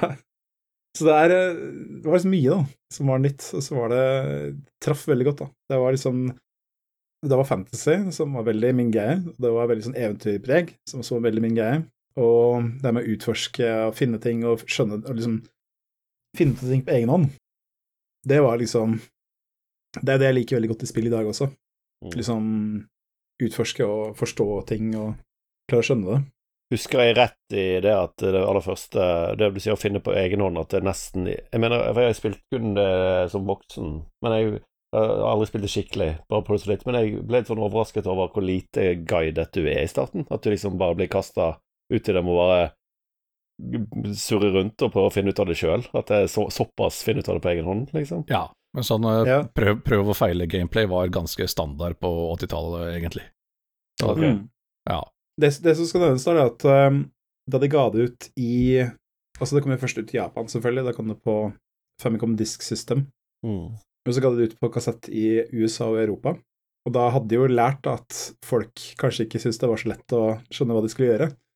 Så du fikk med et kart. Ja. Der hadde de merka av et par ting, da. Men det som var veldig kult, var det at eh, det var ikke alt som var merka av. Bare de første tinga du, skulle- du må finne. Og så en annen ting er at eh, kartet var ikke ferdig fylt ut. ja. Så de, de siste delene av spillet de var eh, ikke, ikke tegnet ut i det hele tatt, så det måtte du fylle inn sjøl. Det er kult. Så jeg ja, ja. Så jeg og en kompis vi satt med dette kartet her og fylte ut og utforska og fant hemmeligheter og sånn, og markerte inn med penn og sånn. Så det var jævla kult. Mm. Yes. Nei, så det er eh, Det som på en måte er Selda Zelda for meg, er det at altså, det har jo Det er veldig stor sentimental eh, verdi i den serien. For at jeg har jo spilt absolutt alle spillene som er eh, mainline. De aller, aller fleste som ikke er det også. Mm. Eh, spilt, altså spilt gjennom de, uh, rubb og stubb. Gjerne flere ganger òg. Og så er det det at jeg liker bare hele opplegget. Altså det er uh, Gameplay er liksom veldig tilfredsstillende. Og så er det det at eh, folk sier at ja, Selda, Selda, ah, det er bare det samme om og igjen. Det er liksom samme gamle greiene. Ja, og så sant? tenker jeg på at Er det ikke det der? Ikke Vi, sant? snak, vi snakker jo, vi snakker jo melkekua til Nintendo her, som s s selger i bøtter og spann, og det er jo, det er jo Nintendos Call of Duty, det her, er det ikke det? Det er derfor ikke jeg Jeg vil påstå at de kanskje har endret litt grann på formelen over årene. Oh, ja. Ja, det var det, det var det som poenget mitt, at de har jo, det er faktisk store variasjoner. Men eh, ja, jeg angrer ikke på at de tok med Terje, nei. Det er helt sikkert. Nå var det ene lille innspillet jeg hadde. Nei da, men uh, det jeg kan si, da, er at uh, det jeg først og fremst tenker på, er at uh, altså, hvert Zelda-spill er jo Altså, jeg har jo Zelda-bøker i hylla mi, og med tidslinje og alt mulig, men uh, er jo Hvert spill er på en måte sitt eventyr. Det er liksom ikke Det er, det er et par direkte oppfølgere. Første og det andre spillet er, det andre spillet er oppfølger til det første. Så kan oppfølger til Link to the Past, og uh, Majora's Mask er en oppfølger. Eh, pluss at Tears blir da en oppfølger til eh, Breath of the Wild, da. Mm. Så, men ellers er liksom det er frittstående historier, da. Så jeg vet ikke. Så det er tittelen på serien, eh, 'Legenden om Selda', er liksom passende, for at det er en legende. Det er eh, spillmediets egen legende, syns jeg. Og det, det er verdt å, verdt å tenke på. Verdt å respektere. altså, for å si det sånn, jeg tror at ehm, Hva skal jeg si Rent prosentmessig av tatoveringer tatt av gamere, så tror jeg at Triforce er ganske Triforce er ganske der oppe, da, i, i rent volum av, av spilltatoveringer tatt av, Ja, av nerder. Ja. Og det sier jo litt, det sier jo litt om, eh, om eh, både makten Ja. til, til, til den serien her. Ja, det er sånn ting, Yes. liksom som eh, et sånt symbol som er de som vet, de de vet, ikke sant, haha, men Ja, ja. alle vet. Alle vet det nå. Det er ikke så originalt. Nei, altså, det, det, enten del så har vi misforstått, og det er egentlig er folk er veldig glad i kommunevåpen til Andebu. Jeg skulle akkurat si Ja. Eller, eller Fischer eh, Ski har også samme Eller. Fischer Ski, ja, det er altså riktig. Altså, det er eh, det, det jeg tenkte på, er at eh, det er litt fint å kunne mimre litt over litt sånn gode øyeblikk. Jeg har jo nevnt flere tidligere, det med at å gå, liksom gå den hemmelige veggen i Selda 1 og sånt noe. Mm. Så, men så vil jeg også trekke fram litt andre ting som kanskje ikke er så mye kjent. Altså eh, Legend of Zelda 2, som heter The Adventure of Link, er vel eh, det minst likte Zelda-spillet i mainline Zelda-spillet. Mm. Eh, det er fordi at da suksessen var et faktum, så fant Nintendo ut at nei, nå skal vi gjøre det mer likt som et JRPG, hvor det er mer sånn overworld map, så det er frakoblet fra resten av spillet. Mm. Og så skal det ikke gjøre eh, det skal ikke være en sånn rundebaserte kamper eller top down view når du skulle inn og slåss. Nei, da skal det være plattformslåssing. Mm. Ja. Det er vel ikke den mest vellykka vrien, men altså, det som, er, det som er veldig kult med Zelda 2, er at eh, det er mye, mye vanskeligere enn det første. Og blant annet så har jeg lagt inn slik at du har et begrenset antall liv før du er for game over, noe som er helt håpløst. Uh, masse andre ting som gjør det mye vanskeligere enn det egentlig trenger å være. Blant annet så er det uh, en by du må finne. Du må finne den for å komme videre, og den er usynlig. Du aner ikke hvor den er hen. Oh, gud. Eh, Du må, gjøre, du, sånn må, spill, ja. må gå på riktig sted på kartet, så må du gjøre en spesiell ting. Og du får ikke noe hint om det. Ah, Så, ja, ja. men um, Spilldesign. Men det, altså ja. Ja, ja. Den æren her av spilldesign, altså. Å, fy faen. ja, ja. Men det, det er et par kule ting i det spillet også. For det første, altså Jeg liker det at det er et veldig mystisk spill. da. Det er liksom, Du har masse sånne ting du må gjøre, og veldig presist, men du får ikke noe hint om det. Mm -hmm. uh, og så er det en annen veldig kul ting med Zelda 2, det er at uh, siden du har et overworld map, da, så er jo verden mye større enn i det første spillet. Og hvis du er litt uh, observant, så klarer du å se at hele kartet fra celle 1 er med i kartet på celle 2. Det er et veldig, et veldig lite område, men du, du kjenner det igjen. Ja, er, um, det har jeg akkurat. Jeg tror jeg har sett bilde av det. Jeg innså ikke at det var de to spillene der det handlet om. ja, jeg har sett det. Ja, ja. Nei, men det er eh, litt sånn kul ting. Ja, ja, moro når du gjør sånne ting. Mm. Ja, ja. Ja, altså, altså, er dette her nå vi vil begynne å prate om den derre timeline-teorien? Eller er det for tidlig? trenger vi egentlig det? det er, altså, Men tids, ti, bare, bare for å ta et eksempel på hvor fucka en tidslinja er, så er det jo det at uh, Breath of the Wild, ifølge offisielle kilder hos Nintendo, det, ligger, det er et spill som ligger i alle tidslinjene til Zelda-spillene. kult. Mm. Ja. Og, Ah, okay. ok. og, Rosett- og, Res- og Rosetta-steden til uh, Ifølge uh, Brian Gilbert så er Rosetta-steden Zelda monopol. Så. Yes. Eh, men, sånn, eh, men, for, eh, men sånn litt sånn seriøst på dette temaet her, da. Eh, sånn, en ting jeg syns er litt sånn kult med Zelda som en serie, er jo at Altså, det er jo The Legend of Zelda. Eh, Zelda er jo prinsessen, ikke protagonisten. Protagonisten er jo Link, og antagonisten er jo alltid Ganon. Mm. Og så det du sier litt grann, da, med at liksom, den, første, den første var jo litt sånn actionspill, den andre ble mer sånn klassisk JRPG, og altså, som vi skal diskutere videre nå, da, er jo alle disse sjangerskiftene og formatendringene og alt det der, da. Ehm, det jeg syns er litt sånn gøy med den, er jo at sånn Du kan ikke lage en Call of Duty som ikke er en FPS, men du kan gjøre Mhm. hva som helst med Zelda, så lenge du har Link, Ganon og eh, Zelda i seg. ja. Altså, det er jo det, egentlig det som er den eneste på en måte faste faktoren, egentlig. Så jeg syns det er liksom sånn eh, Altså, de holder seg jo gjerne litt til sånn action-eventyrspill, da, ut av ren konvensjon. Men eh, ja, altså sånn Det som er liksom interessant med den serien, er at den knytter seg ikke så veldig tett opp til at sånn ah, dette er et Zelda-spill rent mekanisk, dette er det vi skal holde oss til. Det er mer sånn Mm. Zelda er mer en setting og en stemning, eh, mer enn en sjangerkonvensjon, da. Eh, som jeg syns gjør Ja. at eh, det er mye gøy og interessant variasjon i innad i spillene, da. Mm. Ja, jeg er helt enig. Altså, det, det største bruddet er jo selvfølgelig Breath of the Wild, hvor du hvor du får alle verktøyene dine helt på starten, og så er det bare snakk om å oppgradere de. Mm. Uh, men eh, hele det med sånn Altså, geargating er jo det Selda på en måte er litt kjent for, at du uh, Du går i din hule, og så Å ja, der var det en, en et eh, en grop du ikke kunne komme forbi, så da må du ha et uh, verktøy for å komme forbi, og så ja, Mm. sånne ting. Ja. Det er akkurat det. Altså, det er, altså, jeg har jo noen favoritter blant utstyr fra Selda-spillet òg. Hookshot. Uh, hookshot, i- hookshot ja, selvfølgelig, er uh, en klassiker. Uh, Ja. Jeg husker da jeg spilte Zelda 3, liksom. Da jeg lånt Super Nintendo til en kompis. Og for det første, grafikken var jo helt sjukehus. Det var helt sinnssyk. Og så var det hookshot, som var liksom bare Å, herregud! Går det an? Hvor fett er har du lov her? til å gjøre det her i et videospill en gang? Ja, ikke sant? Det var nesten sånn, altså. Går det an? Mm. Det er liksom eh, Ja. Så det, den følelsen der, altså, den, den har du noen ganger i løpet av Zelda-spillet. Du må beskrive litt bedre for meg hva en hookshot er for noe.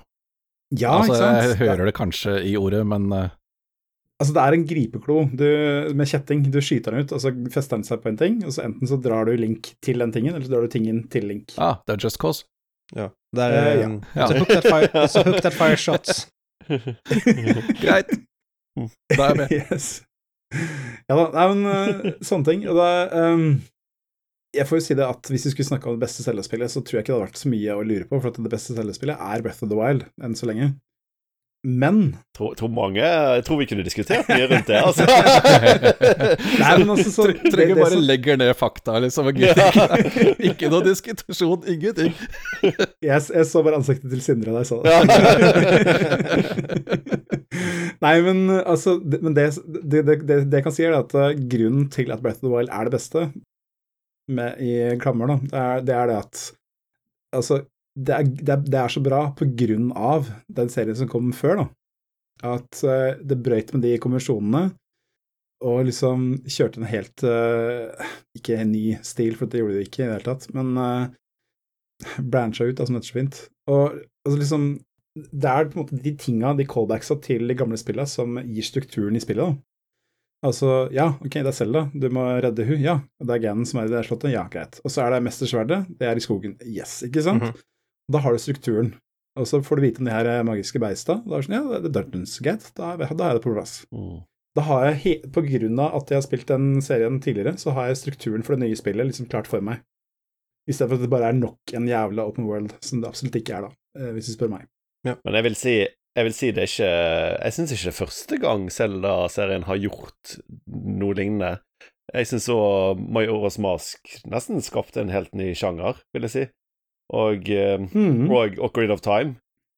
Som først bare Selv om det er jo det samme, bare i 3D, så var det I hvert fall jeg hadde aldri sett noe lignende som det. Det var, Ja. det var tilsvarende første gang jeg spilte GTA3 for meg, på en måte. Sånn hvor, Ja. hvor stort det føltes, og uh, groundbreaking. Kommer ikke på det norske ordet. Og så Grensesprengende. Ja, jeg, jeg syns Ja, grensesprengende, ja. Takk. Jeg syns eh, Jeg syns den serien er ganske flink til å gjøre sånne kvantesprang, plutselig hoppe rett og en, Ikke alltid framover, av og til. Så jeg vil si Majoras Mask var jo på en måte kanskje et kvantesprang sidelengs, og så hoppa de tilbake Mm. igjen. De fortsatte aldri med det igjen. Men uh, Outer Wilds og andre spill tok det videre, på en måte. Men Ja, ja. Yes. Ja, men eh, hvis, vi går til, hvis vi går til Ocarina of Time, da, for at det er jo Kommer ikke innom Ocarina of Time. Nei. Det er på en måte Jeg tenkte litt på Altså, jeg spilte litt Super Mario 64 her, uh, siden Mario-filmen har kommet ut. Mm. Um, da tenkte jeg på da de tidlige Nintendo 64-spillene, Mm. Super Mario og Ocarina. Og så tenkte jeg på Det er faen ikke Hva skal jeg si? Altså, det er, det er ganske utrolig åssen de fikk det til. Mm. Altså, 3D-spill på den tida var jo nytt. Mhm. Det var jo ikke gjort før. Og så har du Super Mario 64, som har perfekt eh, fysikk på Mario Mm. i en 3D-verden. Og de, de fikk det til det var, det var perfekt første gang. Mm. Uh, Ocarina of Time, som ikke er like mekanisk avansert, kanskje, men slåssinga med det lock-on-systemet og måten du på en måte oi, sånn, velger en retning og bruker sverdet ditt for å slå og kan gjøre forskjellige eh, angrep bare med å bruke retning og sverdknappen. Det var noe som dybde til kampsystemet, altså. Mm. Mm. Det er liksom Altså, de kunne jo bare ha gjort det superenkelt, bare gjort, overført mekanikkene fra 2D-spill, bare fått Link til å gå rundt og veive med sverdet hele tida. Mm. Mm. Isteden så gjorde de en ganske, hva skal jeg si, fysisk, eller fysikalsk da, versjon av uh, sverdslåssing, med noen veldig tydelige regler. Mm. Og det har de på en måte videreført, da, til det på en måte nådde sitt topp, eventuelt bunnpunkt, da, i Skyward Sword, hvor du måtte stå og veive med Wii Remote Ja, Jeg spilte, jeg spilte alle Skyward Sword. Uh. Det, det spillet Det ble litt gammelt der, altså, den eh, svær- sverdsvingingen, husker jeg. Ja. den gimmicken Mm. ble jeg lei. Eh, En fjerdedel ute i spillet, og det spillet er langt òg. Det er dritlangt. Men uh, det, det jeg kan si, da, er at uh, Skyward Sword, bare for å ta den videre ehm, Jeg husker så godt ennå at da det kom ut, så fikk det ti av ti i Edge, og Edge gir aldri ti av ti. Det er sånn antall spill som får ti av ti i Edge, det er sånn du kan telle på to hender, liksom. Mm. sikkert, sikkert bare på grunn Grouse. Ja, er Grouse, det er det beste. ja, ikke sant? det er, altså, det er bare Det er sånn eh, Jeg tenkte på da, da remaken kom ut til Switch for noen år siden, så tenkte jeg bare ja, la meg gjette hvilket meme som kommer til å være på Zelda-redditen. -hmm. Det var riktig. Det var eh, Name a more iconic duo, I'll wait. Og det var eh, Link og Grouse, selvfølgelig. så nei, men i hvert fall um, Skyward Sword er liksom Det er på en måte Hva skal jeg si? Det er liksom litt det sorte eh, av 3D-Seldaene, føler jeg. Ja, kanskje. Det, altså, det er litt urettmessig, egentlig. For at altså, altså, kimen til ideen for Breath of the Wild er i Skyward Sword, Mm. med stamina-måler og sånne ting. Og litt mer sånn, enda mer sånn den fysikalske modelleringa av ting, da. Mm. Og så, så gikk de litt langt når vi skulle ha det over på sverdsvinging og sånne ting. Men jeg må si at jeg spilte det igjen på Switch, eh, og da, brukte, da tenkte jeg nå skal jeg endelig slippe en hersens uh, viftinga med kontrollene. Men uh, løsninga de hadde valgt, da, var det at du kunne istedenfor å svinge med kontrolleren, så kunne du holde inn en knapp, og så kunne du bruke høyrestikka på nunchucken. Mm. Eh, jeg kan spoile og si at det var ikke en bedre løsning. Nei, det vil jeg tro. Så jo da, jeg spilte den hele på Switch med nunchuck-kontrollere mm. og sto og rista. Men jeg har bestemt meg for at nå skal jeg liksom eh, Altså, jeg skal også tilstå det at det var første gang jeg fullførte det spillet, for at jeg orka ikke å spille med spille på Wii, for at uh, nunchucken Eller kontrolleren ble jo usynka hele tida. Ja, det er sant, det. Ja, dette var, dette, var før de, det var, dette var også før de hadde den der Motion Plus-greia også, var det ikke det? Nei, nei, nei. nei, nei, nei. Det var med Eh, den, da. Skyward Sword krevde Motion Plus. Du måtte ha det for å spille i Du fikk det vel med og gjorde ikke du? Eller? Nei, det gjorde du ikke. Nei. Du måtte, du måtte Jeg husker at eh, for å få spilt det, så kjøpte jeg Red Steel. Nei, Red, Red Steel, Steel. 2, unnskyld. Ja. til We. Wii. For da, da fant jeg det billigkorva på Elkjøp, og det kosta 70 kroner, tror jeg. Og da fikk jeg med en Motion Plus. Det tror jeg jaggu jeg òg gjorde, faktisk. Red Steel 2 Ja. er et av de verste spillene som er laga, bare så det er sagt. Ja, vi, vi fikk jo vår på um, Cut my life into pieces, this is We Sports Resort. yes. ja, ja, ja. Nei, men ehm, eh, det jeg skal si, da, er at eh, Skyward Sword er helt fantastisk når, det gjelder, når du ser på art direction og sånne ting. Mm. Eh, stemningen i spillet er helt sinnssyk. Det er eh, så mange minneverdige karakterer. Grouse igjen, men eh, alle de her Sånn som Beadle, han derre kjøpmannen som Ja, ja, ja. har det derre luftskipet sitt, som da bare er en sånn trehytte med propell på. Som han sitter og står og sykler for å holde i lufta. Så, så ja, det var ganske bra. Eh, en, en måte du kan eh, For, for å utforske litt mer i spillet, så kan du i, Når du er i butikken, så kan, kan du legge deg i senga hans og sovne. Og så ender du opp på øya hans, den ene øya han bor på, da, og parkerer om natta. Mm. Og så, så våkner du da midt på natta, så kommer du bort til den, og så bare Ja, hei, ja, du sovna, så jeg bare sykla hit, og det var litt tungt, da, å sykle helt hit med deg i ekstra vekt, liksom, så ikke gjør det igjen, er du snill.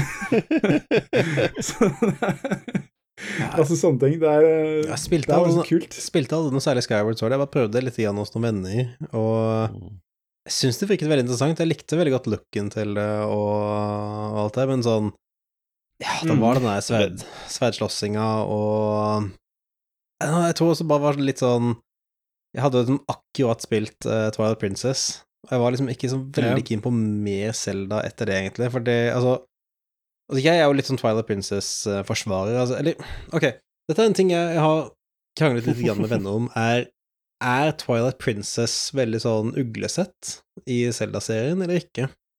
Det var jo sett på som uh, Second Coming of Christ, da, når alle da endelig et Grim Dark Zelda etter uh, barnespillet Windwaker.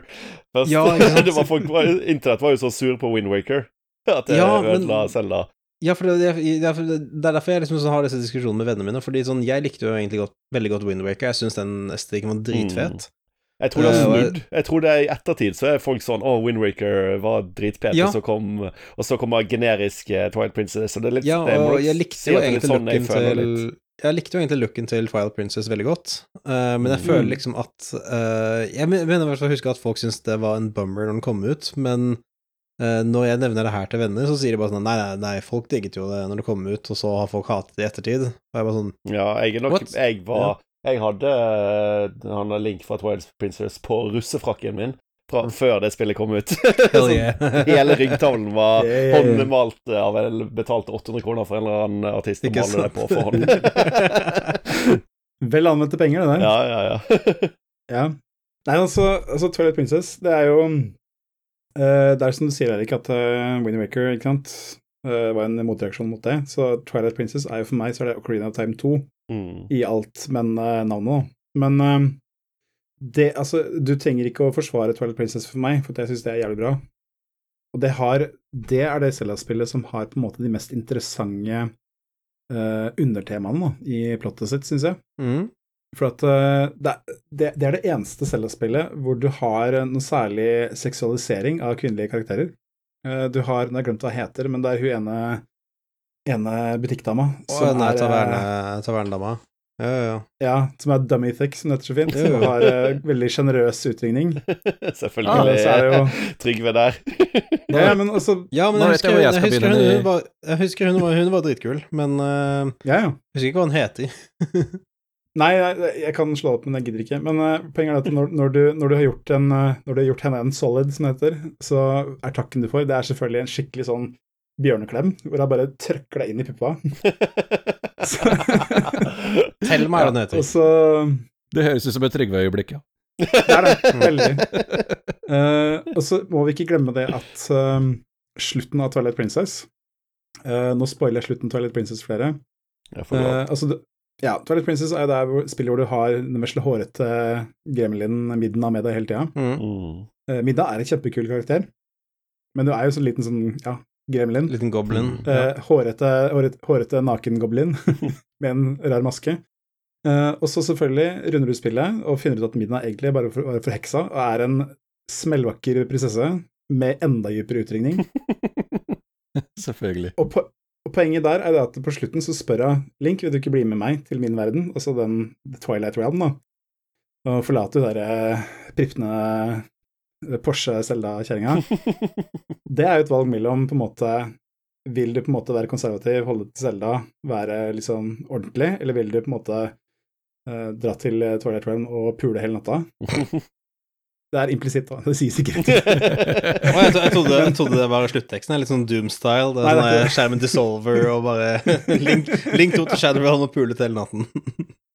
Ja, selvfølgelig, du kan, du kan jo ikke velge å bli med min nå, men det er det som er underteksten her, at eh, det er en seksuell undertone, for at hun er jo Ja, jeg husker ikke jeg, jeg kan ikke si at det var delen som gjorde sterkest inntrykk på meg. Jeg tror det jeg sitter igjen mest med fra Twilight Princess, var den jævla Den jævla skybybanen med den der, De fæle fuglene. ja, uh, de Som ser ut som digre hengepupper. Ja, som ser ut som fucka, Ja, altså- som som fucka menneskehoder på sånn gåsekropper med hengepupper.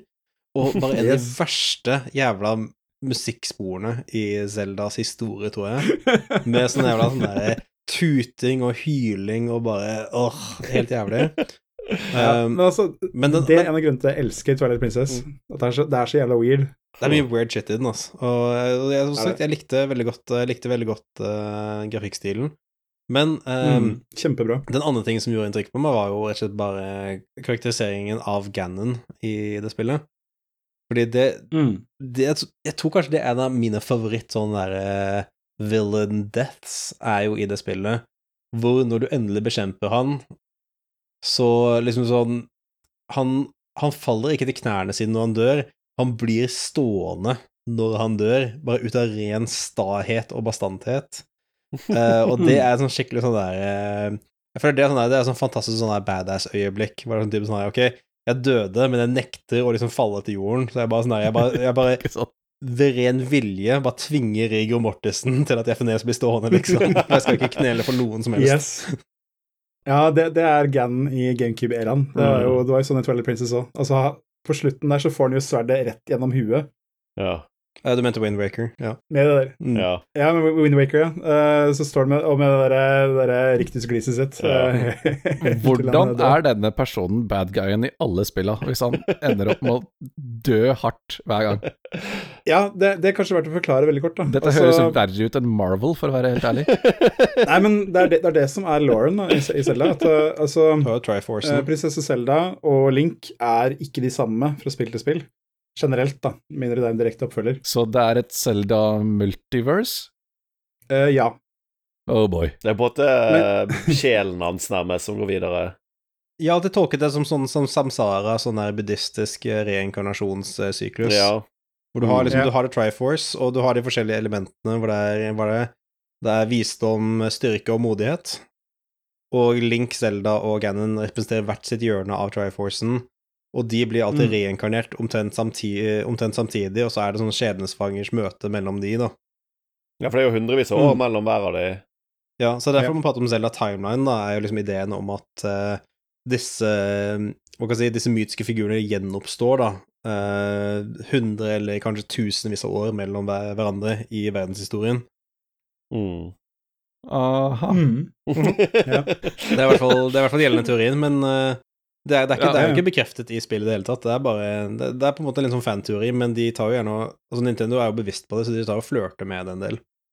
Mm. ja, men altså, det er, det er eksplisitt i Wind Waker. Ja, Wind Waker, det er Eh, Wind Waker er, jo er på en måte utgangspunktet i hva hvis Link ikke klarte å bekjempe genen i Ocarina of Time. Ja. Så Breath Wild også, ble verden ødelagt, og ja, det, det blir liksom sagt i introen at eh, verden blir over- oversvømt av gudene fordi at Link ikke klarte å bekjempe genen. mm. Så Eh, når du ja, ja. Det, det, er, det er på en måte ett av mine topp ti øyeblikk i Zelda-serien, er Wind Waker. Når du på en måte har putla rundt på de øyene i 20 timer, og så kommer du ned Ja. på bunnen av havet oh. og til gamle Hyrule. Musikken begynner å spille, og så kommer du ut og ser Fuck me. Det er liksom det er Hele verden er bare, ligger en kilometer under havoverflaten. Det var Sånn, Ja. Å, fy faen. Det var Det var dritbra. Ja, Altså. det er, jeg husker det veldig godt. Mm. Ja, mitt største øyeblikk, største øyeblikk mitt i Zelda for min del Altså, jeg har jo ikke Jeg har jo ikke spilt noe særlig av de klassiske Zelda-spillene, altså fra NES og Super Nintendo og så videre. Eh, mitt første var jo Ocarina of Time. Ja. Eh, og det, Mm. og det spilte jeg hos eh, Det var vel hos fetteren min, tror jeg, eller noe sånt. Jeg husker ikke helt, husker ikke helt når det var, da, men eh, jeg hadde jo spilt videospill før, eh, og eh, Så jeg tok og surra rundt i var det vel Kakariko Village eller et eller annet, da. Jeg tenkte bare sånn Ja, det var sånn en landsby og uh, skog, skogtunnel og alt. Jeg bare sånn, ja, dette er sånn Det er vanlig 3D-videospill, det ser ganske fint ut og alt det der, og slåssing er ganske gøy. Men så kom jeg ut til den derre uh, Hyrule Fields, og det er sånn der Altså, jeg har jo pratet om den der eh, opplevelsen med å da inn i but første butikken i Morrowind og bare innse at du kan plukke opp hver en, sånn, du kan plukke opp hver eneste gaffel og mynt er separate objekter og alt det der. Og bare hvor mind-blowing det var. Uh, altså å gå ut i Hyrule Fields i Ocarina of Time var virkelig Det er, det er, en, det er ett til av de øyeblikkene der hvor jeg bare innser bare typ sånn Hva faen, går det her an i videospill engang? Fordi altså, på den Mhm. tiden her så var det så stort. Altså, det var jo sånn stort, åpent felt. Det var så, langt, det var så langt unna at du fikk blåning, og eh, du kunne se over horisonten, liksom.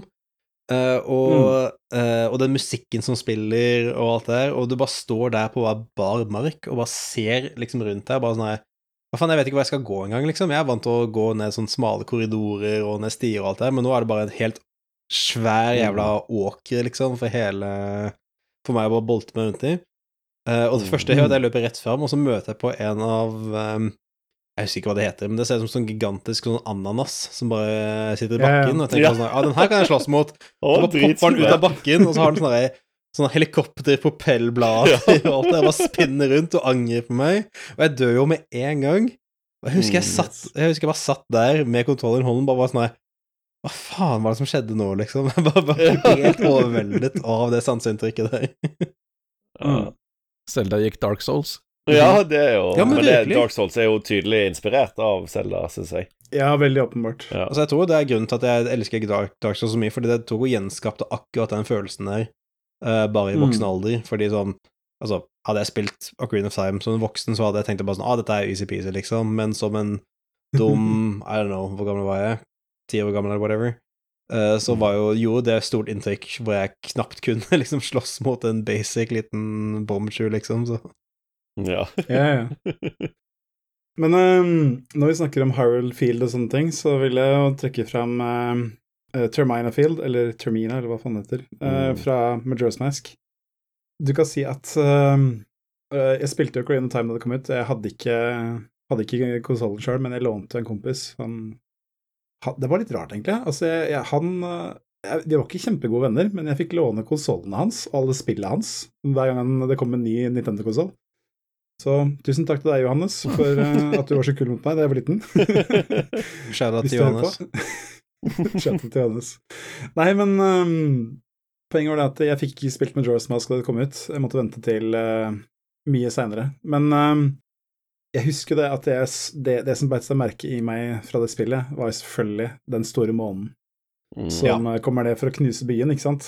Og du kan se den hele tida. Mm. Og bare den tanken på Altså, jeg leste jo og spillet gikk ut på, liksom leste at uh, det er eh, tre dager som du kan spille om og om igjen.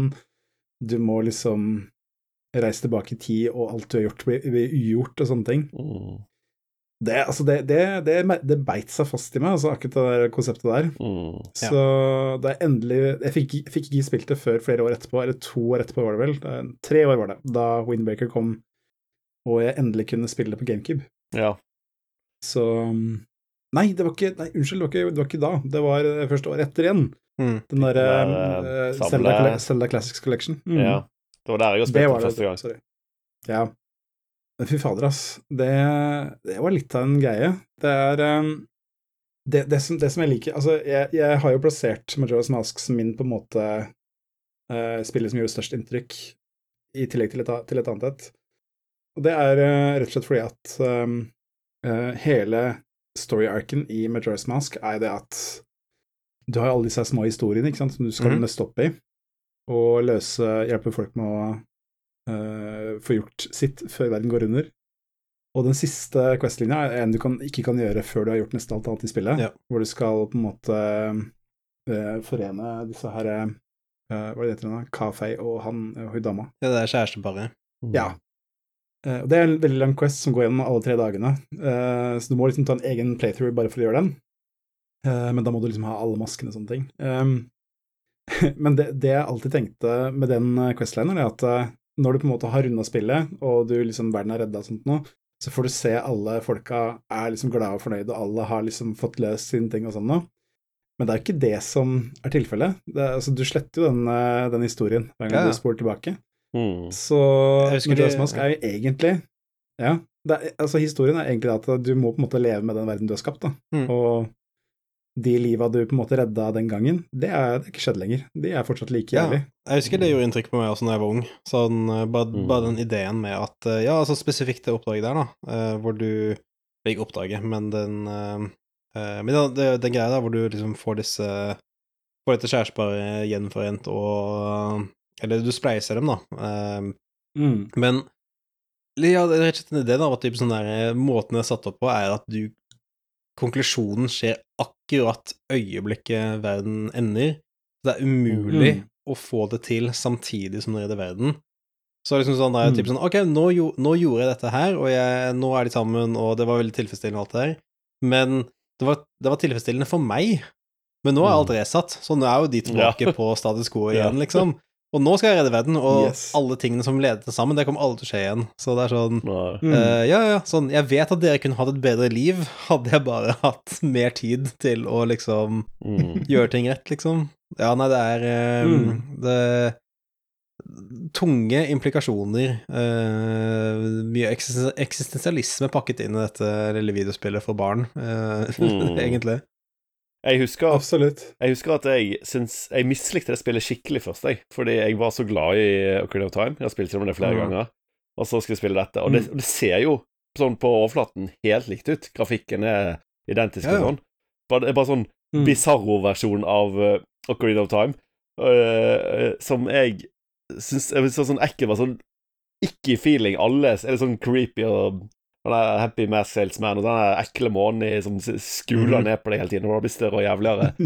uh, men jeg gjetter at Når jeg begynte, liksom kom inn i det og begynte å like det, så nesten det det jeg begynte å digge, den der creepy følelsen. eh, Mm. Og hvordan det fucker med den Green of Time eh, standardisert eh, Prøve å følge high fantasy-greien til en viss Altså, grad. Mens her var føles, sånn føles nesten litt sånn, sånn Silent Hill-aktig ut uh, i stemningen Ja. noen ganger. Mm. Det var sånn på, en, på en veldig god måte.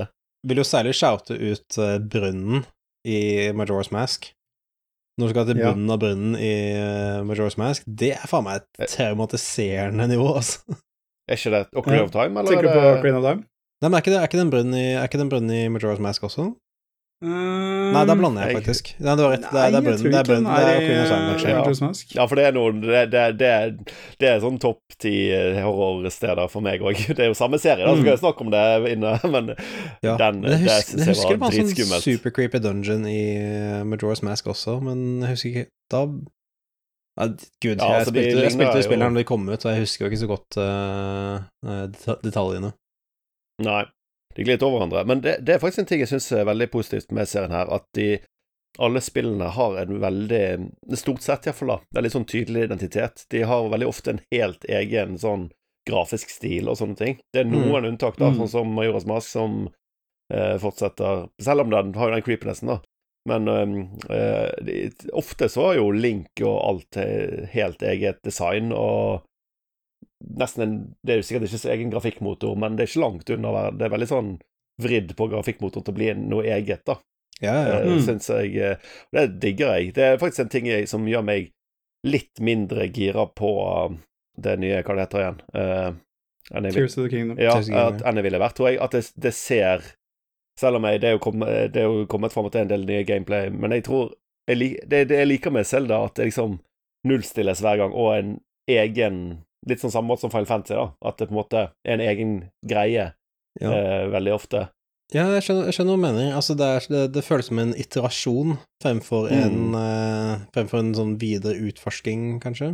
Ja, ja. Mm. Så det er ikke det jeg kommer til å kjøpe. Jeg skal spille det på day one. Det, skal, jeg det selv, da. Det er ikke snakk om noe annet. Men jeg, er- jeg er nok litt gladere i når Zelda begynner å prøve på noe helt nytt hver gang. da. Ja. Det Nå Ja. kan vi vel kanskje da ta Tears of the Kingdom-praten nå med en gang, fordi det jeg Det jeg har sett på i trailerne, er jo basically at de har Altså Det det føles som, er jo at eh, utviklerne hos Nintendo har sett på alle disse speedrun-folkene som liksom tar og plukker, plukker på en svær kampestein og putter stasis på den og denger løs på den med Boko Hammers og bare launcher seg selv eh, til andre enden av kloden og bare gjør helt sånn sinnssyke physics hacks, da. Og jeg tenkte at å ja, Ja. dette her er fett, dette, dette burde du bygge spillet rundt. Så det, det føles litt, Ja. nesten som de har bygd Garys mod i, i Breath of the Wild nå. Ja, det, Ja. det kan bli veldig gøyalt. Jeg tror det. Ja, altså, det, det, det, er, eh, det, det er liksom akkurat det. Jeg, jeg så jo den der nyeste traileren med Onuma som spilte en runde. Eh, det er akkurat den feelingen der. Altså, du har liksom Ja, ok, her har du wallhack. Det er en egen power i spillet. Mhm. Greit. Eh, du har eh, Kan bygge en flåte ved å lime sammen ting. Det er liksom Little Big Planet Ja, eller Fusion-greien og alt det der. Ja. Ja, ja. Ja, physics gun fra Half-Life, liksom. Mhm. Det, så altså, jeg skal være helt ærlig og si at jeg er, jeg er ikke helt uh, stolt, altså. Det er eh, altså, det virker liksom sånn at de har hmm, Har de faktisk bare plukka fram noen gamle ideer? Men altså, igjen, uh, Breath var liksom Det er bare et open world-spill, bare at de har liksom bare virkelig fokusert på det her med uh, traversal, traversal, som det heter så fint. Hvordan du kommer deg opp en, et fjell eller bort over en slette eller Om, Sånne ting. Omreisning. Det funka jævlig bra. Så ja, så, ja, altså det er Jeg har liksom ikke trua på at de har klart å gjort det dårlig, men Nei, de Ja. har jo Altså, det er jo også sånn litt tilbake til tidligere poeng vi, vi også, var jo det at uh, Vi tok og påpekte at Skyward Sword allerede begynte å eksperimentere med mekanikker som endte opp inni i Breath of Wild. uh, så mm. altså det er lett for oss å si at bare sånn, å, de så på youtubere som gjorde crazy ting med speedruns og alt det der, og var reaksjonære, men tegnene er jo litt at Nintendo har, altså de, de folka på Zelda-teamet har kanskje planlagt det her i over ti år, liksom, sånn, altså, la, la, la, oss, la oss ikke undervurdere hvor framoverseende designerne der egentlig er, de bare er veldig tålmodige og veldig forsiktige. Mm. mm. Ja, ja. Ja, altså det er Altså, Aonuma har jo på en måte eh, Jeg syns han har gjort mye bra for serien. Altså, det var jo eh, Miyamoto fram til um, Cella 3, var det ikke det? Og var det så tidlig? Eh, og så var det Jeg tror det. Yes. Oh. Nei, um, nei for jeg, mener å huske at det var Onuma fra med Ocarina, men jeg husker ikke helt. Hmm. Det var kanskje det at de, var, at de delte på ansvaret der, og så var det For at det, det som på en måte var skisme, var det at uh, Det var jo Majora's Mask som var liksom det store skisme, at um, Onuma sa at ja, vi, vi vil lage vi vil lage et cellespill som leker litt med tid og liksom da, For da, det, det hadde jo dag- og nattsyklus i Ocarina. Mm. Og så ville de liksom utforske det mer, og da ble det liksom kimen til Majora's Mask. Og så sa Mimoto ja, greit, det kan gjøre det hvis dere, hvis dere klarer det på et år. Så bare, Det er derfor det spillet bruker så mye fra Ukraina, for at det, de måtte gjøre alt Ja, på et år. ja. Så Det er en asset flip, med andre ord. Hva sa du? Det er en asset flip, med andre ord.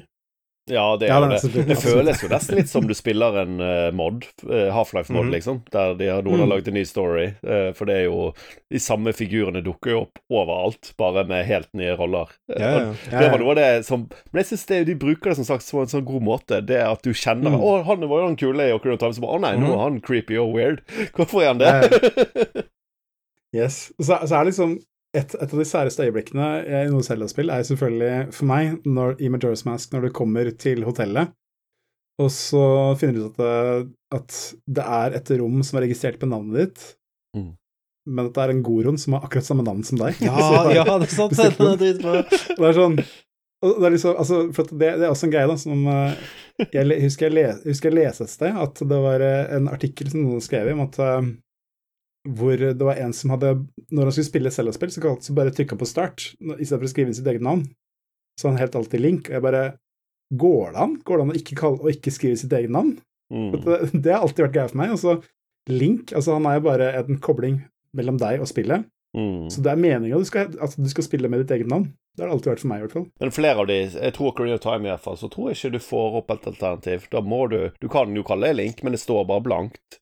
Så jeg Eh, Jeg husker ikke, men i hvert fall jeg tror i noen av spillene så er det tilfellet. Så jeg, for jeg Ja, husker da, at jeg det- visste ikke at Link var en mu... Jeg visste ikke jeg, jeg skrev Eirik fordi at jeg ikke visste hva At det var noe Ja. annet. Og så var kompisen Nei, heter ikke Link, det er jo Cannon, han skal jo hete Link. Ja. Du er jo idiot som har kalt deg sjøl Eirik. så følte jeg meg som den drittungen. Men Ja, jeg tror, hvis jeg husker riktig, så jeg Navnet mitt tror jeg var for langt til å få plass inn i i, i, i navneboksen, så jeg tror jeg bare kalte meg selv Bill eller et eller annet. Ja, altså det er, eh, Navnet mitt har også vært for langt uh, i flere av spillene, men da ble det Trygve eller noe sånt. ja. Trygve. jeg har en kompis uh, Side tangent. Jeg har en kompis som kalte uh, Tifa i Final Fantasy 7 Skapula. Uh, før han skjønte at han ville spille gjennom hele det spillet. Ja. Og bare 'Å, digg dame. Skal kalle henne Skapula. Bare prøve litt.' Og så bare 'Å ja, det spillet her er 50 timer langt.' Ja, jeg må bare holde ut med Skapula. Uh, Jesus Christ. Ja, hvem, er, hvem er det som aldri har laga sånne køddenavn på karakterer som det, da? ja, ja, ja, det er jo det, men eh, jeg, tror, jeg tror ikke han jeg tror ikke han skjønte hva det innebar, og liksom Å ja, dette, dette er noe jeg kommer til å kose meg med så lenge. Jeg hadde i hvert fall én playthrough av Final Fantasy 7 hvor alle karakterene hadde helt ville navn, som halvparten av de kan jeg ikke gjengi her på podkasten engang. Det er, Det det er noen, jeg det er, er i en annen discord der i som, eh, som spiller gjennom Ja. eh, Spiller gjennom Ocarina of Time nå på emulator, og de kalte jo uh, kalte jo Link for bitch med store bokstaver. så det er sånn alle dialoger blir typ sånn her og sånn her Oh, hello, bitch! Here you are! Ja. Eh, da må jeg bare skyte inn en, en kompis av meg i militæret som, eh, som spilte Final Fantasy 8. Og så, eh, så viste han meg da han begynte- å spille. Og sånn eh, Se nå her, Trygve. Du må, må, må kalle han for dette her. Så det, det ser ut som han får orgasme hver gang du sier navnet hans. Han kalte det for ah med punktum etterpå. Og tre punktumer. For sånn, jeg tenkte ok, Morten, det var en interessant idé. Om, Men ja. om jeg noen gang starter på det regla her, så skal det hete Simp hver gang. ja ikke sant. Med det forholdet, med det forholdet han har til Selda. ja. Nei da, men uh, altså det er eh, Du kan si at de har jo gjort det enkelt da, i uh, Breath, for at der bruker du navnet på Switch-profilen din, så da heter jeg uh, Trygve uansett. Mm, gjør du det, ja? Ja, men ok. Hvis vi tar hvis, vi, hvis vi svinger innom nå, Vi har vært innom en god del av spillene i serien. Det er noen vi har utelatt, men det er jo for greit nok. Um, det vi har utelatt, egentlig? En stor vi har utelatt, er jo Wind, Wind Waker, da. Og Link Between Mm. Worlds, ja. Vi har nevnt Wind Waker. Ja, ja, men- ja ikke En, en grad, pass, men- ja. Men um... Jeg føler den fortjener mye plass, egentlig, men uh, vi har, vi har Ja, ikke fordi mye altså sånn Windbreaker var jo veldig sånn Ble jo med en gang veldig uglesett med en gang det kom ut, fordi Mm. Altså, et, altså Komboen av Ocarina of Time og uh, Majora's Mask er en veldig det, It's a tough act to follow. Det er å Hva kaller det? Mm. Hoppe etter røkla, er det ikke det? Ja, ja. Um, Så Og det også at det var sånn en sånn selvshada eh, Altså, det var en veldig sånn stilistisk uh, endring, da, i Mm. i serien, så jeg skjønner jo at folk liksom hater det, men sånn så jeg, så jeg digga det når jeg først så det. Var Ja. typ sånn Å, det er jo en dritkul stil, liksom, alt det der. Mm. Jeg tror jeg måtte overbevises litt, men jeg elsket etter hvert, altså. Ja, Jeg, Ja, synes det jeg var- elska det for første gang, og jeg syns det var helt fantastisk. Jeg syns faktisk det var så Jeg syns faktisk Wii U-remaken ødela den estetikken lite grann. Bitte litt. Jeg syns den var bedre når den var litt lofi, på en måte. Ja, for jeg var nysgjerrig på det, skjønner Mm. fordi jeg var uh, Jeg har aldri spilt gjennom min hele Windbreaker, jeg har bare spilt uh, noen timer som kompiser og sånt. Uh, Mm. Men jeg likte det veldig godt. Eh, og jeg vurderte veldig å spille den Wii U-versjonen, fordi Ja, altså, jeg så jeg, jeg er en sucker for uh, global illumination. Altså sånn uh, Den der Mm. detaljerte lyssettingen og alt det der var, var sånn her Oh, yes! Det der med selvshading-grafikk, det virker dritnice. Jeg er jævla keen. Uh, men så fikk jeg aldri Fikk jeg aldri tid til å spille spillet. Men Nei. det funka det i det hele tatt, liksom? Sånn, hvordan var den Wii U-remaken? Han er Altså, Han er veldig Altså, hvis jeg skulle spilt igjen nå, så ville jeg nok heller spilt den litt på grunn av det quality of life-forbedringene den gjorde. Mm. Eh, Mm. og så, men eh, det, er, det er fortsatt dritpent, altså. Det er det. Det, det er ikke sånn at de ødela det. Det var bare litt Litt mer sjarm når det var litt mer basic, på en måte, syns jeg. Ja. Jeg ser den. ja, altså Det jeg vil si, da, er at eh, altså, det ser ikke dårlig ut på noen som helst slags måte. Nei, det gjør det ikke. tvert imot, det ser kjempebra ut. Mm. Men, men altså, det er, det er akkurat sånn der, altså, de har endra det visuelle inntrykket. Mm. Uh, men altså, det er av GI, da. Altså, det, det ser jo helt sinnssykt ut Mm. den dag i dag. Uh, så altså, det er bare det at det er annerledes, og at Mm. noen vil sikkert si at ja, dette her var sånn de tenkte at det skulle sett ut, men de kunne ikke gjøre det på GameCube. Mm. Og det er jo Det er jeg med på den, altså. Men eh, Ja, fordi det jeg lurer litt på, er om eh, skal jeg spille det nå i herrens år eh, 2023? Eh, skal jeg spille Wii U-versjonen, eller vil jeg prøve å emulere GameCube-versjonen i 4K med masse anti-racing, sånn at alle linjene er sånn superskarpe og smoothe, liksom? Hva, hva ser best ut? Uff. Nei, altså, det, det er opp til hva du Mm. tenker sjøl. Altså, det, det, det som Eirik sier med quality of life, er jo litt viktig. Altså, det er eh, Det satte jeg veldig pris på på Wii U, at de hadde justert en del sånne småtterier som gjør at du sparte mye tid og sånn. Mm. Mm. Og kunne bruke gamepaden til å måtte måte bytte items til Ja, å det, det får bare velge vindretning. Det får du ikke emulert, da, så lett. Men uh, Får du ikke det? hvordan skal du få til det? Uh, to vinduer. Ja jo, men liksom Det, touch, det å ha kartet alltid er sånn Ja, så du kan jo Ja, selvfølgelig. Du kan jo det. Ja, så det, altså, jeg mener det. Altså, det, det fins 3DS-emulatorer, og da har du bare en eget, et eget vindu, og da bare bruker du musa på det. Det er ikke Ja, ja, ok, greit, greit. Jeg bare Så, ser nei, for men meg du altså, mister litt, men ja. Nei da, men altså, jeg skal ikke si noe på det ene eller andre, men altså uh, Spill Wii-versjon hvis du tenker at mm. du vil ha gay, du vil ha 16.9-format på skjermen, du vil ha Call to Life. Ja, Du nettopp. mistet mista fordi da. originalversjonen er i 4.5, ja. Ja, det gjør du. ja, Tinkle Tuner det er et viktig sakspoeng. Ja. Det eneste riktige måten å spille Windwaker på, er ved å koble opp en Game Boy Advance og sitte der og puste på Tinkle hele tida. ja. Jeg husker jeg lot en kompis eh, sitte med Game Boy Advance som han så på meg spilte. Det var Det ble fort eh, trolle, trollespilling, for å si det sånn. da Det var det var ikke så lett å få gjort så mye fornuftig når en surrer rundt med han. Genial eh, greie at det gikk an. Ja. Men eh, jeg kan jo si, da, hvis, hvis du skal si noe om hvor godt jeg liker Wind Waker, så kan jeg si at eh, altså, Steam VR, som noen sikkert kjenner til, der kan Hørte du jo velge Ja. du kan jo velge hva som skal være, med, være menyen din da, når du starter Steam VR. Da Mm. kan du laste ned sånn community assets. Mm. Min community asset er uh, Outset Island fra Wind Waker. Ah, Nice. Så jeg starter i VR hver gang oppi det utkikktårnet på den øya. Åh, nice. Det får meg til å lure på Kunne man hatt en VR-versjon av Skyward Sword, siden problemet tydeligvis var uh, det, det var veldig motion control-basert. mm. Ja, ja, kanskje. Det kan du. Uh, eneste issue er jo det at spillet er treperson. Ja.